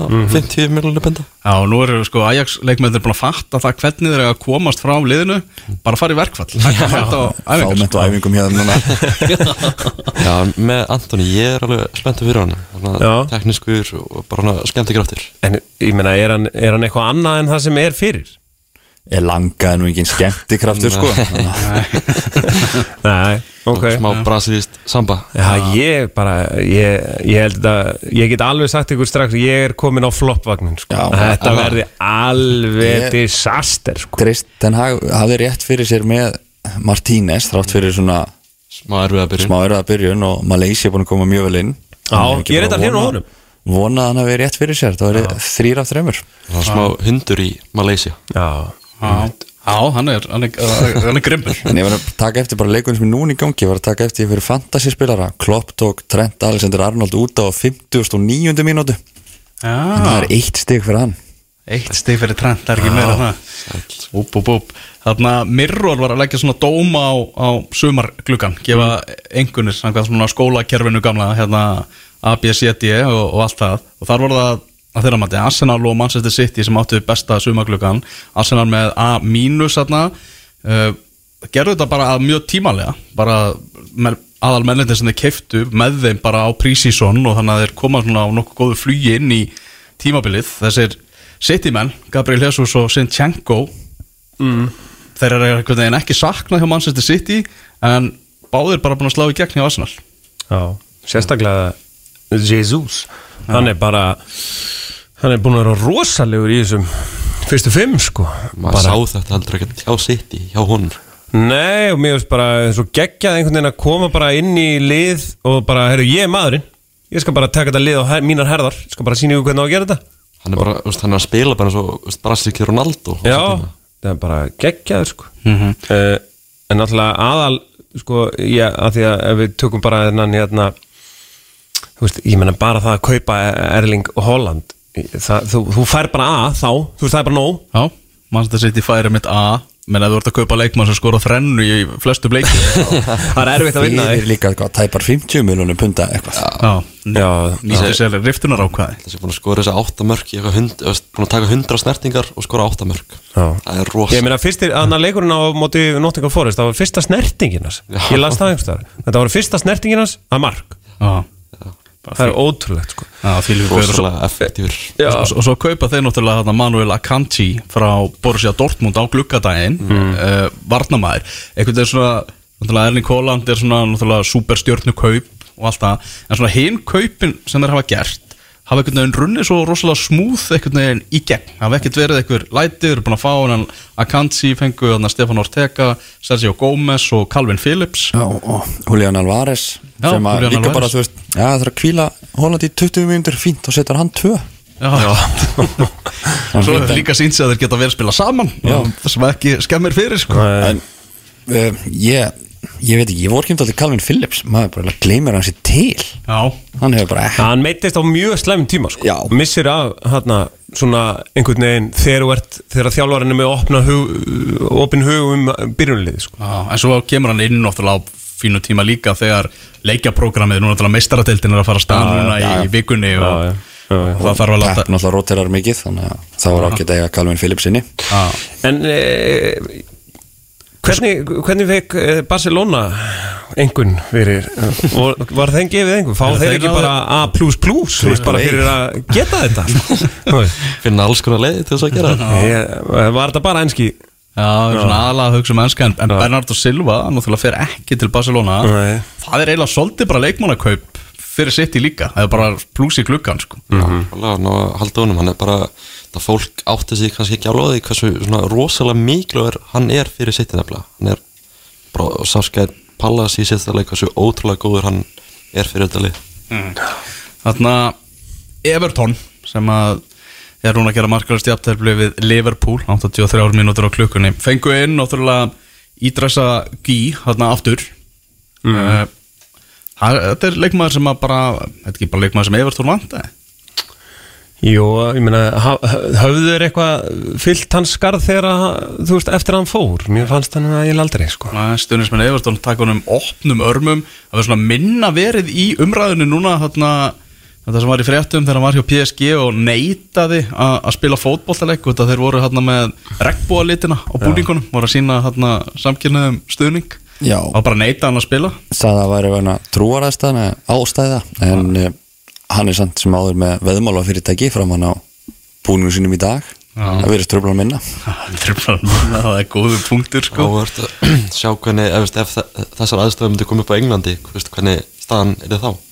Já, ég held að hann var, var ekki hægt að leifa hann að komast upp með þetta þar sko en, en þetta er svona, þetta var dálítið óevertónlegur gluggi að vissu leiti þetta var, Evertón hefur dálítið verið að kaupa bara einhverja, í einhverja stöðar sem það vantar ekki neitt. Já. en þetta virtist, það komi kannski of seint þessi kaup. Mm -hmm. bæta talsveit vissi á gluggadeginum. En þetta eru svona skinsamlegri leikmannakaup en maður hefur Evertón sér gera oft áður. Hvað hva, hva einhver fyrir að Liverpool þannig að þeir taka Darwin Núnias þeir eru eina liði, pælið því. Þeir eru eina liði í topp 7 í fyrra sem fara ekki yfir 100 miljonur mm. þú veist bara hvað þessi peningar eru miklu Solid B Solid B. Já. og hérna, já, náttúrulega fá líka Fabio Carvalho sem er búin að vera drjúur núna upp á sigastið margir sem líka honum með Filip Coutinho á þessum tíma.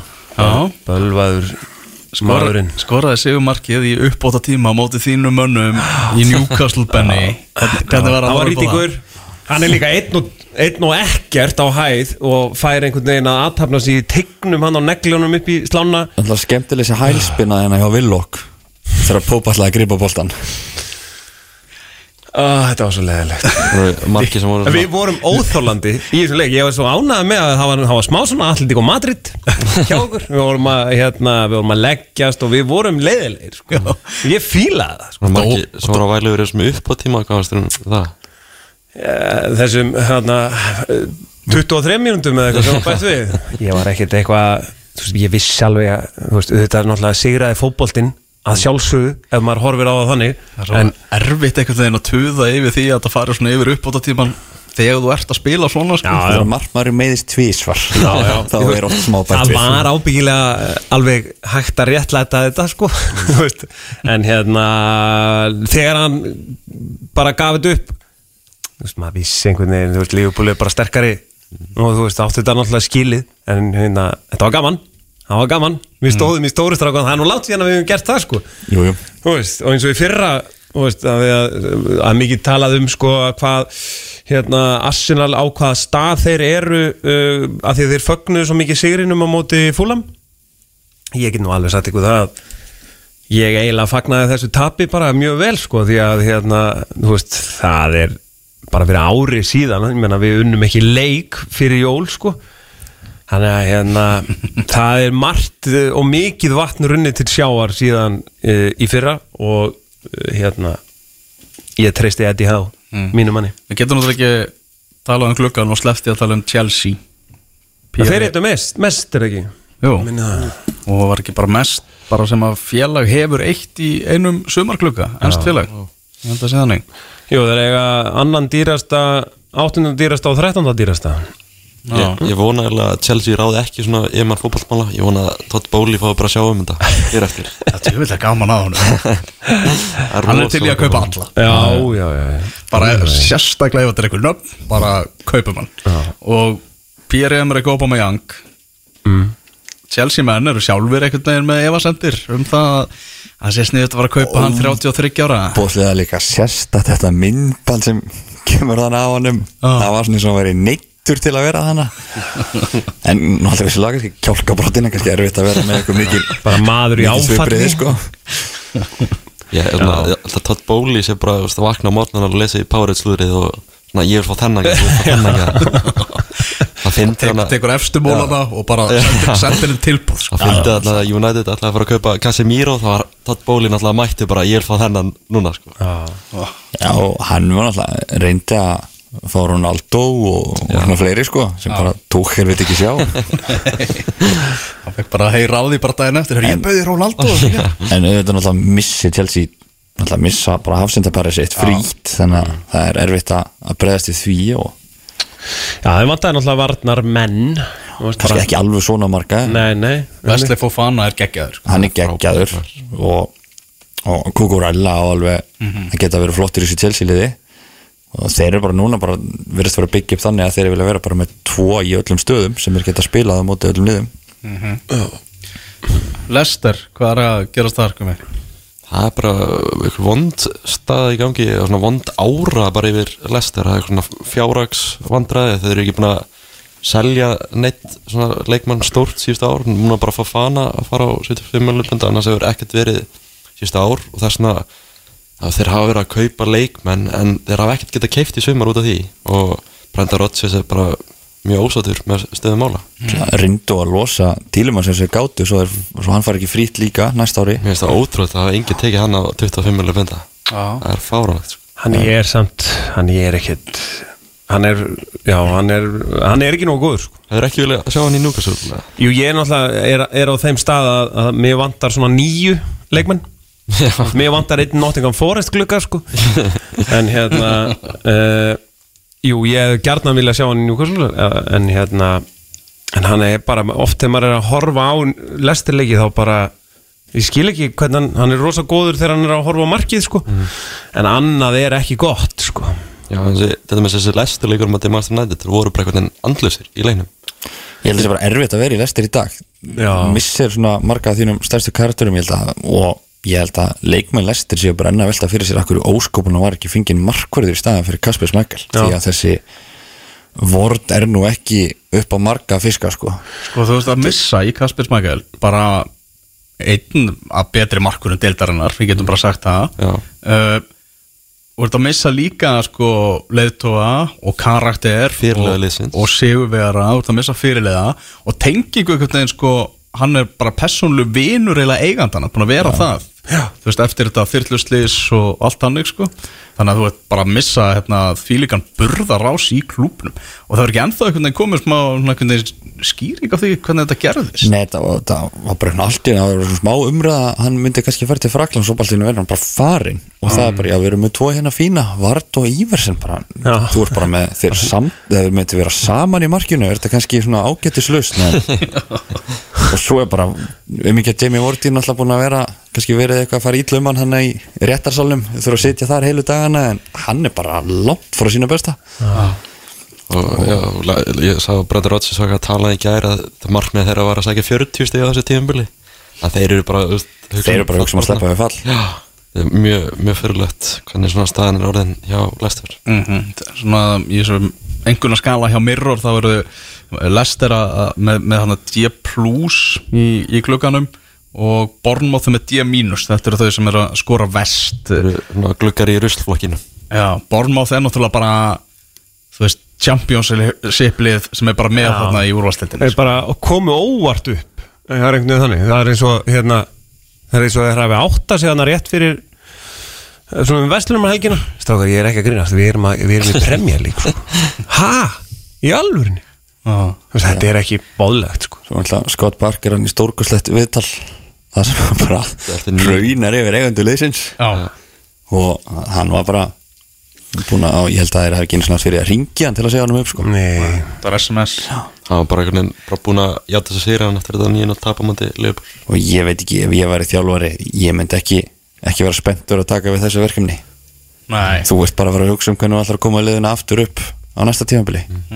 Þeir unnu hvað hann Aston Villa í fyrstum verð ég held að það hápuntur þeirra á tímabili svo náttúrulega fá þér, hvað er ekki Liverpool, City og, og man ekki hvað þriði leikur þeirra var sko, en þetta er mættu þennan þrem góðum liðum í fyrstu fjórum umförunum já. Já, það kemur verulega óvart að Bournemouth verður ekki með að þryggja neðstu liða deildarana uh, komið þú myndist á hana sigur hjá þeim að hápunkturinn hefði komið bara í fyrstu umferði að vinna Aston Villa uh, Aston Villa er að fara í leikum móti Manchester City í dag. Það er ansi ólíklegt að þeir vinni þann leik. Eins á fréttamannafundin með Steven Gerrard í gær það sem hann var svona við vonumst eftir því að veita Manchester City leik að þetta verði keppni pabba, í, í, þessu, í þessu leik.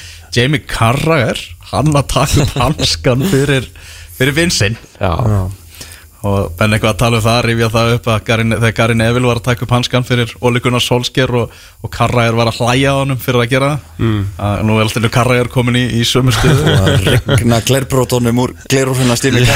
svona á, ákveðin svona hræsni í það var bara, það var bara svona rítstjóra grein sem hann hendi þannig eitthvað telegraf eða hvað það var.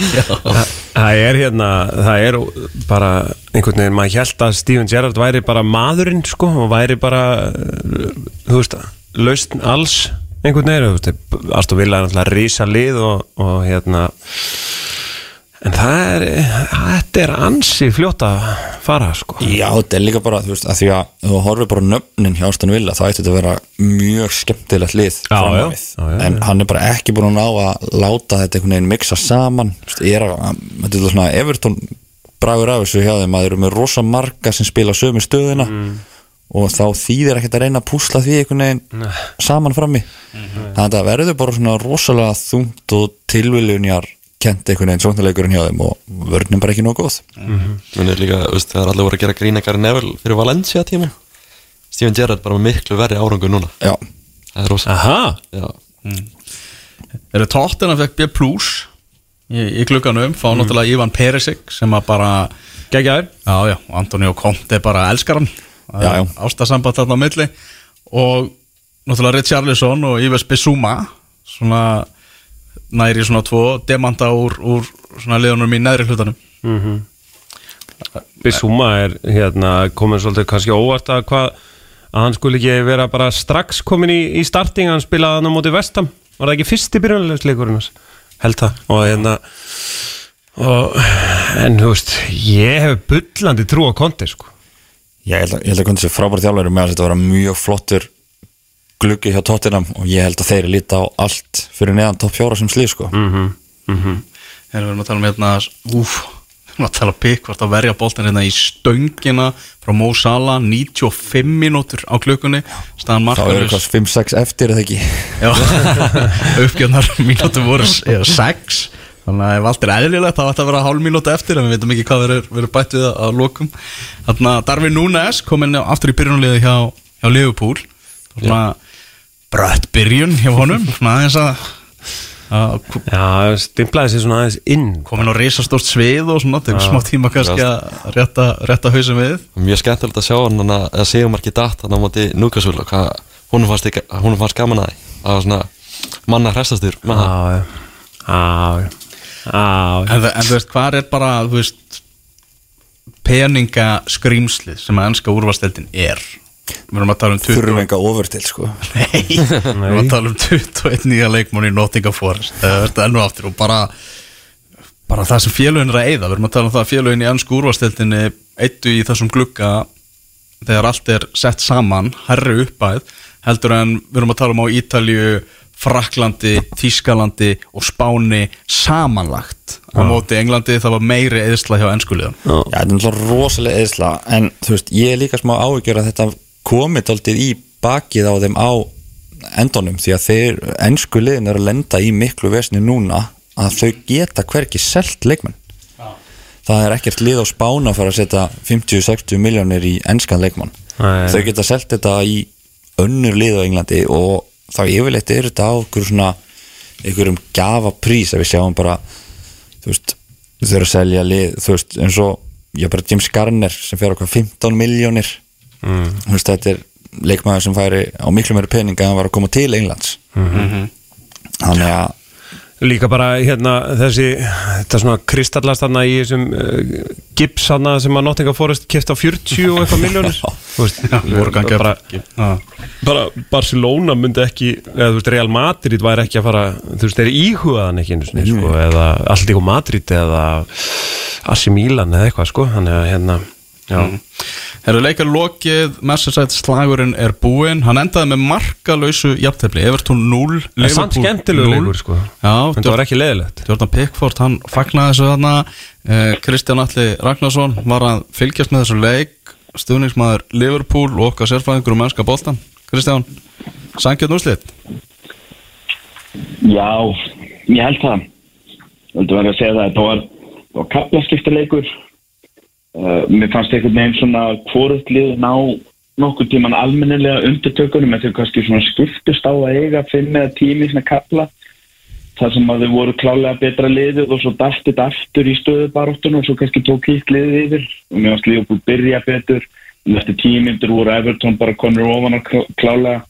Og þetta gekk svona svolítið þannig eiginlega allan leikinn sko og, svo skiptingarnar opnuðu þetta svolítið hjá stjórunum, þeir voru greinilega báðir að gera skiptingar til að reyna þess að opna leikinn og, og, og kannski herja á veikleika í handstæðingunum og vinna þetta.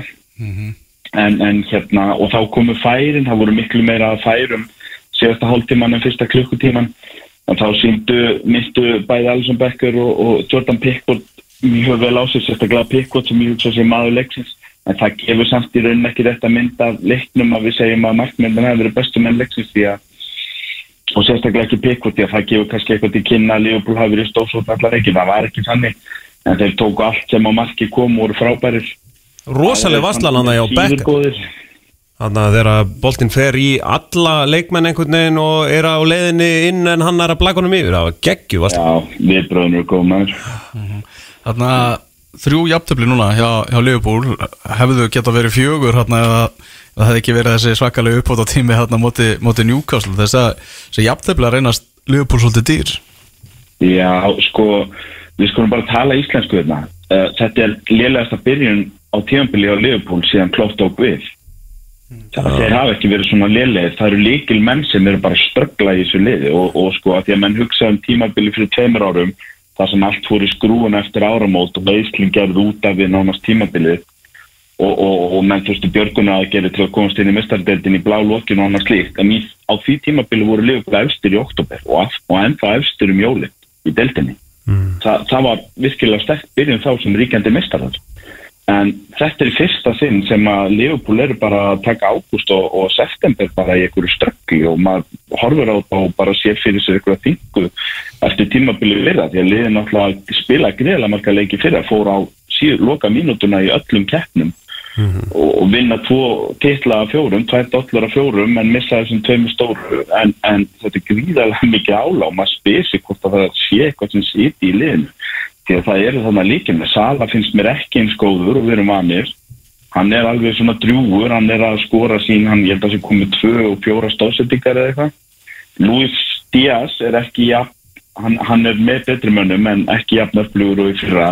Minnst Van Dijk vera að ströggla. Þetta er í fyrsta sinn sem ég sé Van Dijk í fjóra-fimm leikir röð en við kannski setjum form og leikin til hliðar sem var algjör súkulega kleina.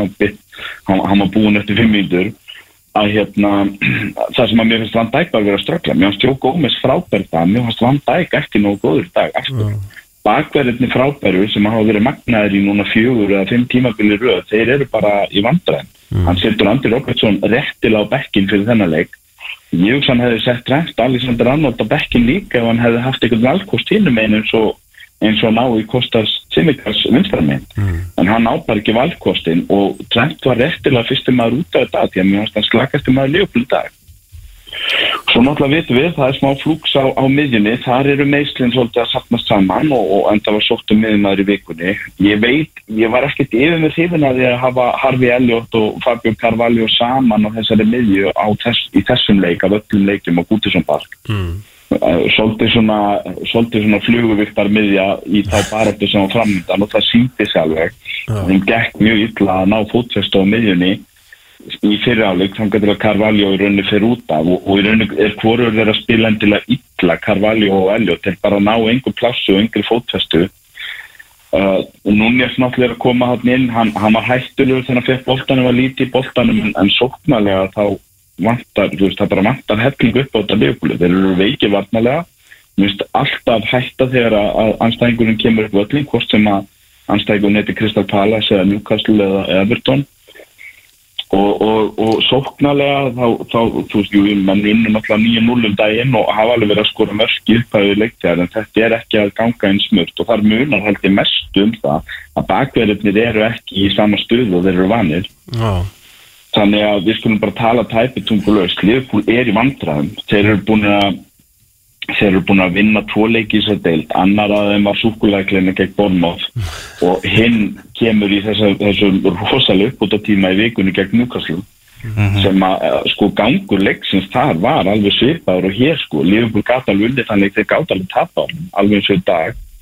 Þannig að það er bara ströggla á Liverpool og, og, og, og ég veit ekki sko hvort að það er eitthvað sem er farið, mér grunar helst að það sé bara eitthvað smá kynka, menn ná ekki sömu 100% menn eru að reyna en eru fastir í 98,5% framlægi eftir, mm. eftir hasarinn á síðustuleiklu og það kannski mun taka það okkur tíma, við þurfum kannski bara að vera þólimóður og kýða eftir að menn nái brottinum aftur. Og svo kannski kemur takturinn meðan september eða eitthvað, en þá getur það reynilega verið orðið og seint ef að að, að mannstu sitt í og, og kannski sérstaklega Arsenal ætla að halda hún að vinna leiki. Mm. en við um mannstu sitt í aðla Já, við tölum bara um City, ég menna það eru sjö steg á milli þessara liða eftir daginn í dag ef að City vinnur Aston Villa sem að eru yfirgnæfandi líkur á. Já, við erum ennþá bara fyrstu helgin í september. Og ég hef sagt á það, Liverpool unnug 13 steg fórskút eftir áramót í þessari deild. En, en það er ekkert eitthvað sem gerist í hvert skipti og það er bara rosalega erfitt að að byrja tímpla eða veist að stefnun á titilinn og titilbaráttu þá er rosalega erfitt að að byrja á því að gefa mér þessa forgjöf. En, en hérna en, en ég er svo sem einhver ágjör að Liverpool í baráttunum mistardildasæti eitthvað svoleiðis. Og svo náttúrulega mistardildin að fara að byrja á mennum við byggurum og veist, allt tímabilið framdag, það er engin örvænta. En það er alveg ljóst að þetta er erfið byrjun hjá Liverpool. Mm Það er alveg klart mál. Eru Kristján, bara takk hjálpa fyrir að gefa okkur skýslu Já, lítið Ná, Heyr- Heyrumst, bye bye. Heilum Já, 0-0 á Guðarsson Park í hátæðisleiknum melli Everton og Liverpool. Þú ert að hlusta á fótbolti.net á exinu 977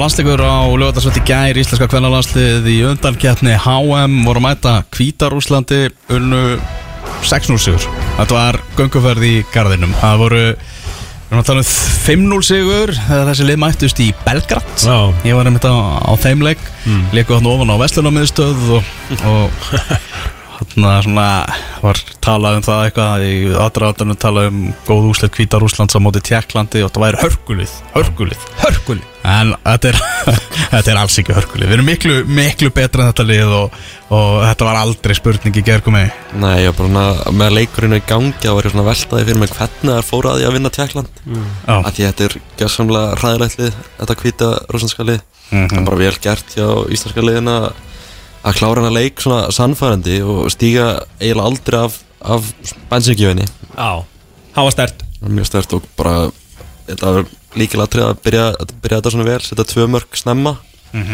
Og eftir það var þetta bara eins og segir algjör gönguferð í, garðinum og engin spurningum neitt annað en stóra nýtsanskan sigur. Mm. hvað, hvað voru stóru fréttinnar í, í byrjunarliðinu, í uppstillingunni hjá Þorsteini Haldurssoni ég, ég sett hann alltaf saman líklegt byrjunarlið fyrir leikin í gæðar og tvær breytingar frá, frá því líklega byrjunarlið Guðrún Arnardóttir, óvænt að hún sé ekki í byrjunarliðinu finnst mér. Já. Ingibjörg byrjar í staðan fyrir hana og, og svo kemur náttúrulega Amanda Andróttir inn fyrir Leo sem er meitt Amanda náttúrulega bara átjunar og gummul og svona hennar kannski svona stæsti leikur, landsleikur til þessa. Mm. og hann hvernig var Amanda hún átt að skora í þessum leik. Hún átti að skora í þessum leik. Hún skoraði, skoraði? Hún skoraði þriða markið þarna í, í fyrirleginum og ránglega dæmt á bara Já, það var stórfjörðulegu dómur stór Þísku dómararnar eitthvað að giska. Já, mér fannst það svolítið mikið sko, á leiknum að það voru bara eitthvað að gíska en svo voru innköst og hotspinnur og svona og það voru bara að gíska eitthvað. Já. Það var svolítið þannig í þessu markið það var engin að byggja um rángstöðu var að rángstöðu það held ég á, á Sörubjörg uh, metur það þannig að hún sé í einhverju sjónlínu markararins og, og fyrir innan en það er enga veginn þannig mér. Nei, og Amanda náttúrulega bara rænt þarna fyrsta landsmarkinu sinu uh, en annars var hún bara geggið þessum leik leggur hann upp tvö mörg frábærar hotspinnur, aukaspinnur uh, frábæra tækni bara greiðlega spennandi leikmaður eins og er oft áður verið talað um. Mm -hmm. Sarfur Gunnarsdóttir fyrirleiði Íslands Já, hún var fyrir liði Íslands í þessu fyrirlega framist svona, Já, mér fannst það. Mér varst svona fyrstu 20 Þú veist, það var ábyggilega eitthvað stress og eitthvað svona í þessum hóp en þú veist, mér var svona body checka nokkra leikmenn hann, eitthvað hljóp á það og inn, inn í það og, og hvernig setnamarki er þegar hún skallar hann Já. það er bara geggja sko. Það líka bara svona frá byrjun að hún var bara ákveðin í að Já. sína sig í þessum leik. Hún var bara ótrúlega svona aggressív frá byrjun. Sem er á, á fréttamannafundunum fyrir leik daginn fyrir leik að svona, fólk er ennþá að spyrja sig með, með standið á henni. Já, það er það fyrir fyrir fyrirlegt að að langt síðan hún kom tilbaka og var að síndi að hann á EM allavega í síðasta leiknum að hún er alveg í standi sko. Og, og er bara á mjög fínum stað. Og í- bara í þessum leik var hún alveg, alveg stórkustleg sko. Já, kom hann upp á mér maður og kom upp á okkur hann í fjölmjörnstúkunni á lögatarsvelli í gær fyrir leikin og var eitthvað rauna smá yfir okkur fyrir að skaggrinn ekki meira á EM? Já. Og hún bara held ég að hún hafi svarað bara öllum gaggrinnsrötnum þarna sko í þessum leik. Og algjörlega stórkustleg mm Sigur þarna. Uh, og nú er bara staðan svona, bara svo við einföldum þetta þá er eitleikur eftir. Sáleikur er í útrekt í Hollandi á móti heimakonum á þriðudarskvöldið Holland fer beint á HM ef að það er vinna okkur í þeim leik við förum beint á HM ef við vinnum Holland ef að gerum jafntefli, jafntefli dugar. Já, það er að því Holland hefur gert tvisar jættabluði Tjekkland í þessum reyli Já. Við hefum unnið Tjekkland tvisar Já, nú er hann að reynast heldur betur bara leiki leikur þessi, þessi sigur úti á móti tjekkum algjörlega og já, þetta verður bara fáránlega spennandi leikur hann að þriðdægin og allt, allt undir í loka umfyrinni, þetta er bara allt eins og á að vera. Þetta er svakalegt. Þarna Íslenska kvennalandsliði aldrei komist á HM HM verður allt í Ástralíu og Nýja sjálandi hinum einn á nettinum á, á næsta ári. Þetta verður svakalegt en, en svona fyrir þjálfaran, fyrir steina Benni, þú Já. veist bara þú veist að fara í leikamóti Hollandi jafntefli dugar. Já. Þetta er, er, er eldfint Já, mér, ég, hérna, maður er aldrei hrifin af því einhvern veginn að þurfa bara að verja stíð, sko og ég uh, svona vona að uh, þú veist, það verði ekki, ekki bara pakkað í vörn sko, heldur bara endilega svona sækjum. Að þetta sé Holland uh, ég meina, þeir eru, þær eru Evrópumestarar fyrir hvað, þreymur árum? Já, voru Evropamestrar 2017 og komist í úslit HM 2019 Já, veist, þetta er, þetta er alvöru lið og ég skil alveg að það sé hérna pakkaði vörn og allt hannig en veist, það er náttúrulega klálega einhverja leiði til að vinna er og að gera jafntefli sko. Og hérna, mér finnst bara mér varst bara góðu taktur í okkar stúlkum í gær mér varst bara svona margt í ákvætt þannig að ég veist, eðlilega erum við að fara í leik á móti svakalegu liði en veist, ég ætla alveg að lefa mér að vera bjart sko. ég var líka til í að sko að því að HM í veist, það er alveg líklegt að fréttablaði sendi einhvern sko. Þú ert klár. Já, þú veist. Á, á hvaða tímum verða leikjum til þetta? Það er, spurning já, það við spyrjum að því þegar að Ísland kemst á HM Já. Holland í sjötta sæti heimslistans Við erum í, í fjórtánda sæti uh, Hvernig sérðu steina fyrir þér? Stillu byrjunarliðinu í þessum leikum?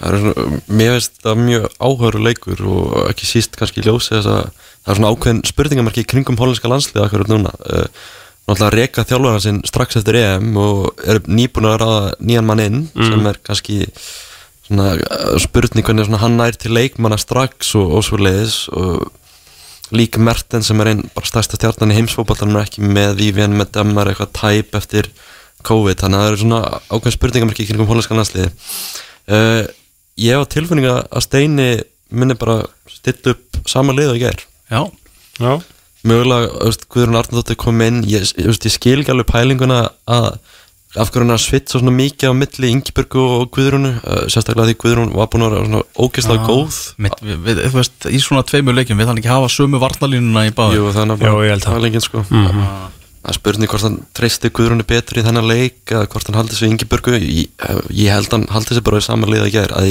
sérstaklega að því úslitin voru svona góð. Og nefndir Amund á hann veist, hún er bara 18 ára en hún síndi það bara í gæra að hún er, veist, er tilbúin í þetta. Til, tilbúin í, svona í stóra sviði með, með landsliðinu. Já. Uh, Við erum að fara út í, í fyrramálið. Um flug, hvað, 7.40 eða ekki? Ég bara veit ekki, ég voru að spyrja haflega því. Þarna fljúum út, tökum lestina yfir til útrekt mm. Gaman að koma þangað. Já, uh, Tekur ykkurar 40 mínútur að taka lestina frá, frá flugvellinum og, og yfir til útrekt og þar verður þessi leikur á þriðjudagskvöldið. Þetta er bara úslita leikur um að kosta hán Ef við, hvernig kom ég heim? uh, dæna til, miðvikudaginn. Nó, já, já. Ef við töpum Já. þessum leik, hvað þá? Uh, getur þá ekkert komist á HM? ég, ég vil ekki eins og hugsa út í það sko, að ég er alltaf flókið dæmi sem gerist á ef við töfum þessum leik Já, ég, hérna, mér varst uh, Dagný orðaði þetta ágætlega hana í aðdraðandanum það sem að hún sagði að hún væri að fara hérna, eh, hefði eitthvað verið að pæla í þessu á flý, flýjunni og leiðinni heim eitthvað í þennan- þennan leik móti Kvítarúslandi og þú veist að hún talaði um sko umspil gegn umspili sem að væri að fara í umspil til að fara þú veist, og ég var bara ha, þannig að ég fór nú eitthvað að lesa mig til um þetta. Ég get ekki útskýrt þetta. Hvað er að fara að gerast?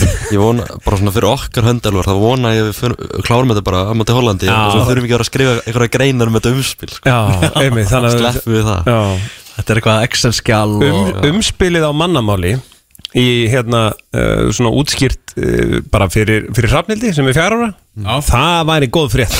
Ég þarf eina þannig. Já, en sem sagt við íslenska liðið er örugt í umspilið ef við töfum leiknum. Þannig að við erum alltaf að fara í umspil. Já. Þannig að þráttur við töpum fyrir Hollandi þá er HM draumurinn enn á lífi. Já, það eitthvað að Ég, það eru þrýr leikir sko. er það það, það er, ég er bara Já, veit ok, það, ég er ekki hugmynd Nei, sko. ég er ekki, já. Já, já, já, þetta verður fórhaldlega, ég er bara að vona að hérna ég er, þú veist ég, ég lefi mér að dreyma, sko. Já, ég er þar. Já, ég held að við hefum klálega sens í þetta svona, ég vona að við leggjum hana leik svolítið bara upp eins og, frakkaleikin hann að lokaleikin á EM. Mm. Eh, séum bara svolítið, svolítið hugrækkar og við erum ekki að liggja bara í vörnum úra fyrir eh, spilum boltanum og bara gera þetta almennilega. Fórum að halda hans í hann. Fórum að halda þessi í hann. Þá er þetta alltaf, alltaf sens Herðu, komið, þú ert að fara að, taka til starfa. Já, Það er ekki að fara langt, þú ert að fara hérna bara aðeins niður hæðina og þá ertu komin á, á, á eh, hvað heitir völlurinn já, núna? Er það eimskipsvöllur hennan? Nei, það er komið Afísvöllurinn? Afi, Afísvöllurinn Þarna þróttarar, þróttur Reykjavík getur tryggt sæti sitt í lengjudeldina nýju með því að ná allavega stíi á móti haugum þá eru uh, vonir þróttar vogum á, á enda. Já. Þrótt á Nei, ekki þróttar vogum, þarna ægis Ég var líka svona. Já, Já, Já, ég var að, var að horfa hérna á textalýsingadæmi og þróttu vóðum Þór eitthvað, þannig að ægis, ægismanna mm. Batti og, og félagar Batti að skipta sér inn á og, Já, hann er svona í storminum akkurat núna hann að Twitter storminum áhverð að fylgjast með þessu. Já, það verður hérna það er að fylgjast með textalýsingu gumma á, á fótbolta.net þróttararnir búin að opna hérna gleðitjaldið sitt. Ah, Já, er, að, er að grilla og, og með, með eitthvað gleði hérna bæði fyrir og, og eftir leikin á leikmenn byrjar að heita upp og svona. Já, Já, sjáum þetta hérna út um, út um gluggan hjá okkur. Uh, Það eru eh, leiki núna, maður byrja klukkan 2 í ennsku úrvarsleitinni Tottenham Fulham, Newcastle þínu meðan á móti Yeah. Crystal Palace Já. þannig. uh, Brentford Leeds Nottingham Forest Bournemouth og Chelsea West Ham. Og svo setna í dag klukkan 16.30 þá er að síðdeisleikurinn þar sem að eh, Aston Villa er að fara að mæta Manchester City. Sér hvað er kostar um eitthvað skemmtilegt í dag um mig? ég veit að ég er Krista Ballas að vara að stríða núkast Já, já, þetta er svona Já, já, það verður alltaf uh, alltaf smá stríð, sko. Mm. Þeir verða alltaf aðeins að aðeins að stríða okkur og það er náttúrulega leikmenn hann í þessu palasliði sem ég var til í að hafa í mínu liði Það er eins og það er en hérna Vilfred. Já, Já, esi en það er hérna þetta er Rock Solid 2-1 sigur á mínum mönnum. Já, Alexander Ísak að Já, hann skora tvö. Hann skorar tvö. bæði. Bæði löguleg þessi, að þessu sinni. Allir Haaland hendi ekki þrennu líka eftir. Er það Jú, ekki jú. bara stóra fréttin? Jú. Hérna það er ekki frétt lengur. Já, hann ennir ekki að skrifa það. Hérna, ég var með Aron Jó í, í Íþróttavíkuna hann var að segja, hann var að rifið það upp að ef að Phil Foden hefði gefið á hann í byrjun tímumbilsins Já. uh, að hann rifið upp að hann mynd, myndi að þannig að hann hefði átt að gefa hann þrisvar á hann í easy tappin Mm. þá var hann með 11 mörg Það er rosaleg Þú veist, bara ef að gæi. hefði gefið á hann sko. þið pælt í því? Já, man, þú veist, eitthvað, fyrir það voru margir eitthvað að veltaði fyrir sér að hvort hann myndi floppa í deild að, þú veist, það svona meira svona physical deild og svona en þessi gæi, hann er bara, hann er bara geimvera Já, ég meina, hann tók náttúrulega hérna sitt í Newcastle þegar hann uh, rutti þremur leikmönnum og tók á sprett Já. það er eitthvað það rosalegasta sem ég séð Já. bara í síðust árin, sko, það er bara síðan að sko, Messi skoraði á móti Alltík og Bilbao í byggarnum, ef við munið til því, það var var ótrúleitt mark segjum svo, ef, ef hann er að halda þessu heilum og Guardiola er ekki að róturunum mikið hvað er hann að fara að skora mikið? Hann fer yfir 40 40 mörg Já, þú veist, það er bara, ég meina það af, af hverju ætti maður ekki að spá því, sko, þú veist, Já, hann hann- skorar eitt til fjögur mörk í leik. Og hann leiður þau þrjú. Og þú veist, já, og hann er, er hann ekki, hann er 22 ára eða eitthvað, sko. Þetta er rosalegt, hann er alltaf sig að fara að bæta mitt á sér ef hann heldur sér í þessari deild? Nei, nei, talaði vallega dreng Hann verður farin til spánar. Hann, hann er búinn að kortleggja ferilinn sinn og hérna já, fyrst að Guero gerði þetta ekki þá hérna þá hef ég engar áhyggjur af þessu. Minn maður verður hann á tóknum Forever. Mínum menn í Brighton, þeir eru að leika á morgun heimalegg á móti Leicester. Ég byrð nú vonum við það að, að mín, mín sveit Þínum menn í frættar Já, það er ekki sigur þar. Uh, Manchester United mætir Arsenal. Það er rosalegu leikur. Uh, Tom, náttúrulega Erlendis er að, er að var á, á Merseyside slagnum núna áðan og hann verður líka á morgun við hafnar útsending hjá Símanum Sport og, og Jói Berg verður með. Það verður gaman að sjá það. Já, við horfum á hann koma inn á í gær og, og hérna Já, átti bara fína einkomi já það var hörkuleikur Vesturlofas Albi og Burnley. Steve Bruce náði þarna flautumarki. Flautumarki, fagnaði, fagnaði óulega hljóp þrjú skrefun og völlin og ætla að hoppa en fann að líka mér var byrjar að gefa sig þannig að hann svona stóð tám. Þetta var mjög fyndið. Eitt eitt, endur leikartal. Svo er náttúrulega meistaradeildin að fara að byrja núna á þriðjudag og miðvikudag uh, meðal leikja sem að er á þriðjudaginn það er Borussia Dortmund á móti FCK mm. vonandi verða Íslandingarnir í byrjunleginu þar. Sevilla er á móti Manchester City. Á miðvíkudaginn þá erum við með Napoli Liverpool og Interbæin München. Já, mm. og Tottenham er að fara að taka móti Marseille frá Fraklandi Það er svo, það er svo rosalega mikill fótbolt í gangin akkur núna að maður nær bara ekkert utan um þetta. Það var rosaleg vika. Já, bara, ég bara, þetta var geggjuð vika. Og samt var eiginlega stóra fréttin í vikunni að uh, Paul Pogba hafi ráðið Witch Doctor til að álug á Kylian Mbappe Það er eitt af finnast sem ég vil lesa. Svo, svo er Kylian Mbappe bara núna að fá svona báðar hliðar á málinu og hvað er satt og hvað er Já, ekki. þetta er bara Þetta var eitthvað svo styrla sko. Pogba segir, vist að sagði hann sig í þessu að hann hafi fengið svona uh, galdralækni til að halda sér heilum. Já, og fórast meðsli já, já, já. Ég bara, ég þetta er svo fyndin sagði Ég þetta er bara, og, veist, og líka kom eitthvað heim til hérna æskuvina sinna og vera kerður út í hraðbank og beðin um að taka út 13 miljónir punta. Þeir eitthvað að stela líka eitthvað 200.000 pundum á kortuna hans og, og hérna, þú veist bara hvernig þeir heldu að einhver hraðbanki væri að afgreða hann að 2,6 miljardar í, í, í, þú veist, 5 úrsköllum sko. Já, Pogba er búin að fá rétta fólki hann í kringum sig. Já, klásmál Þetta er einhver önnur veröld sem þessar stærstu stjórnur í Jú. fótboltanum búa í heldur en við lifum í sko.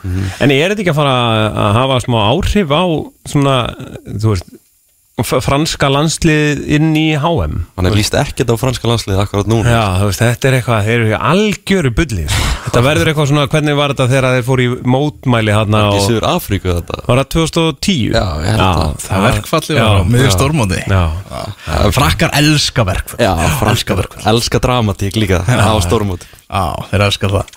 Það er eitthvað HM ár, hafið pælt í? Þess vegna er allir fótbolti Það er núna sko. að Þetta er HM í Þetta vetur er rosalegt sko. Já, það er, það, það er eina ástæður fyrir því að við fáum og, og ég að svona því nær sem dreifur svo móti þetta er á svo frábærum tíma. Þetta er svona eins og janúar mótin í handbolta. Bara fyrir okkur Íslandinga að fá þetta núna sko. Mhm. það er er bilað sko. Já, hvernig, hvernig ætla að verða að horfa á HM í vetur? Bara í november, desember Það verður það frábært fyrir okkur Íslendinga ef það verður einhverja lægðir og bara leiðindi sko, þegar leikinir eru á frábærum tíma sko. Já, og svo fáum við handboltan í janúar. Já, Ég er einmitt að fara aðstofa valsmenn í, í hérna handboltadótinu og hérna í meistara, nei, hérna Evrópadeildinni og var að fá fjölmilapakkan því að ég á að sjá um fjölmilamennina og þetta telur sko semst aðdraðandinn að hérna, hvað lið þurfa að gera eru telja 108 blaðsýður þar að vera fjölmilakablin sko 20 eða eitthvað. Ég held ég að þetta bara, þú veist, servera pítsur og kaffi sko. Það er einhverja kröfur annars sko? Við erum að tala um hvernig verða leiktímanir á HM að íslenskum tíma. Ég tók þetta saman hérna á dögunum. Uh, Reyðlakefnin þá er- verður leikið klukkan 10 á mótnana 1, 4 og 7 á íslenskum tíma. Í lokaum fyrir reyðlana þá verður leikinnar að fara fram klukkan 3 og 7 Í 16 leið úslitum áttalúslitum þá verður leikið 3 og 7 Undanústaleikinni verða þriðudags og miðugudagskvöldi hefast báðu klukkan 7 Lögadaginn 17. desember klukkan 15 þá verður leikið um bronsvelun og úslitaleikurinn verður klukkan 15 sunnudaginn 18. desember á þjóð hátíðadegi Katar 18. desember Þetta eru- eiginlega bara fullkomni leiktímar Ég hlakka mest til að sko að við sem að borða rúmstykki á skrifstofunni og, og horfa á tíu leikir Klukkan 10 á mannana og það eru gaman Já, líka morgunfundirnir á fréttablaðinu er búinu klón 10 sko, eða þess að 9, svona 54 þá fær maður sér bara eitt kaffibólla og ég kem aftur bara klukkan 12 Já, Það held ég, góð sem tíð, góð sem tíð framöndan Já, er það. Í að fótbolta áhuga mönnum, ég ætla að fara að segja þetta gott þennan laugar daginn uh, þökkum orðafrei Rúnasinni kjalla fyrir að vera með okkur hérna stóra hluta þáttarins, við vorum yfir alltaf helsta í íslenska bóltanum þeim mennska, tölum um kvennalandslið og gerðum upp þetta uh, markalösa jafntefli, Kristján Alli var á línni þar sem að Evertón og Liverpool skildu jöfn 0-0 Uh, svo var Gummi hérna með okkur í, í á loka sprettinum, kom hérna upplöður inn. Uh, Benni, bara takk fyrir að vera, vera með mér í dag. Heldur betur, ekki málið. Heldur betur og útastátturinn fótbolti.net verður aftur, aftur á dagskrá næsta lögadag, þangað til, verið þið sæl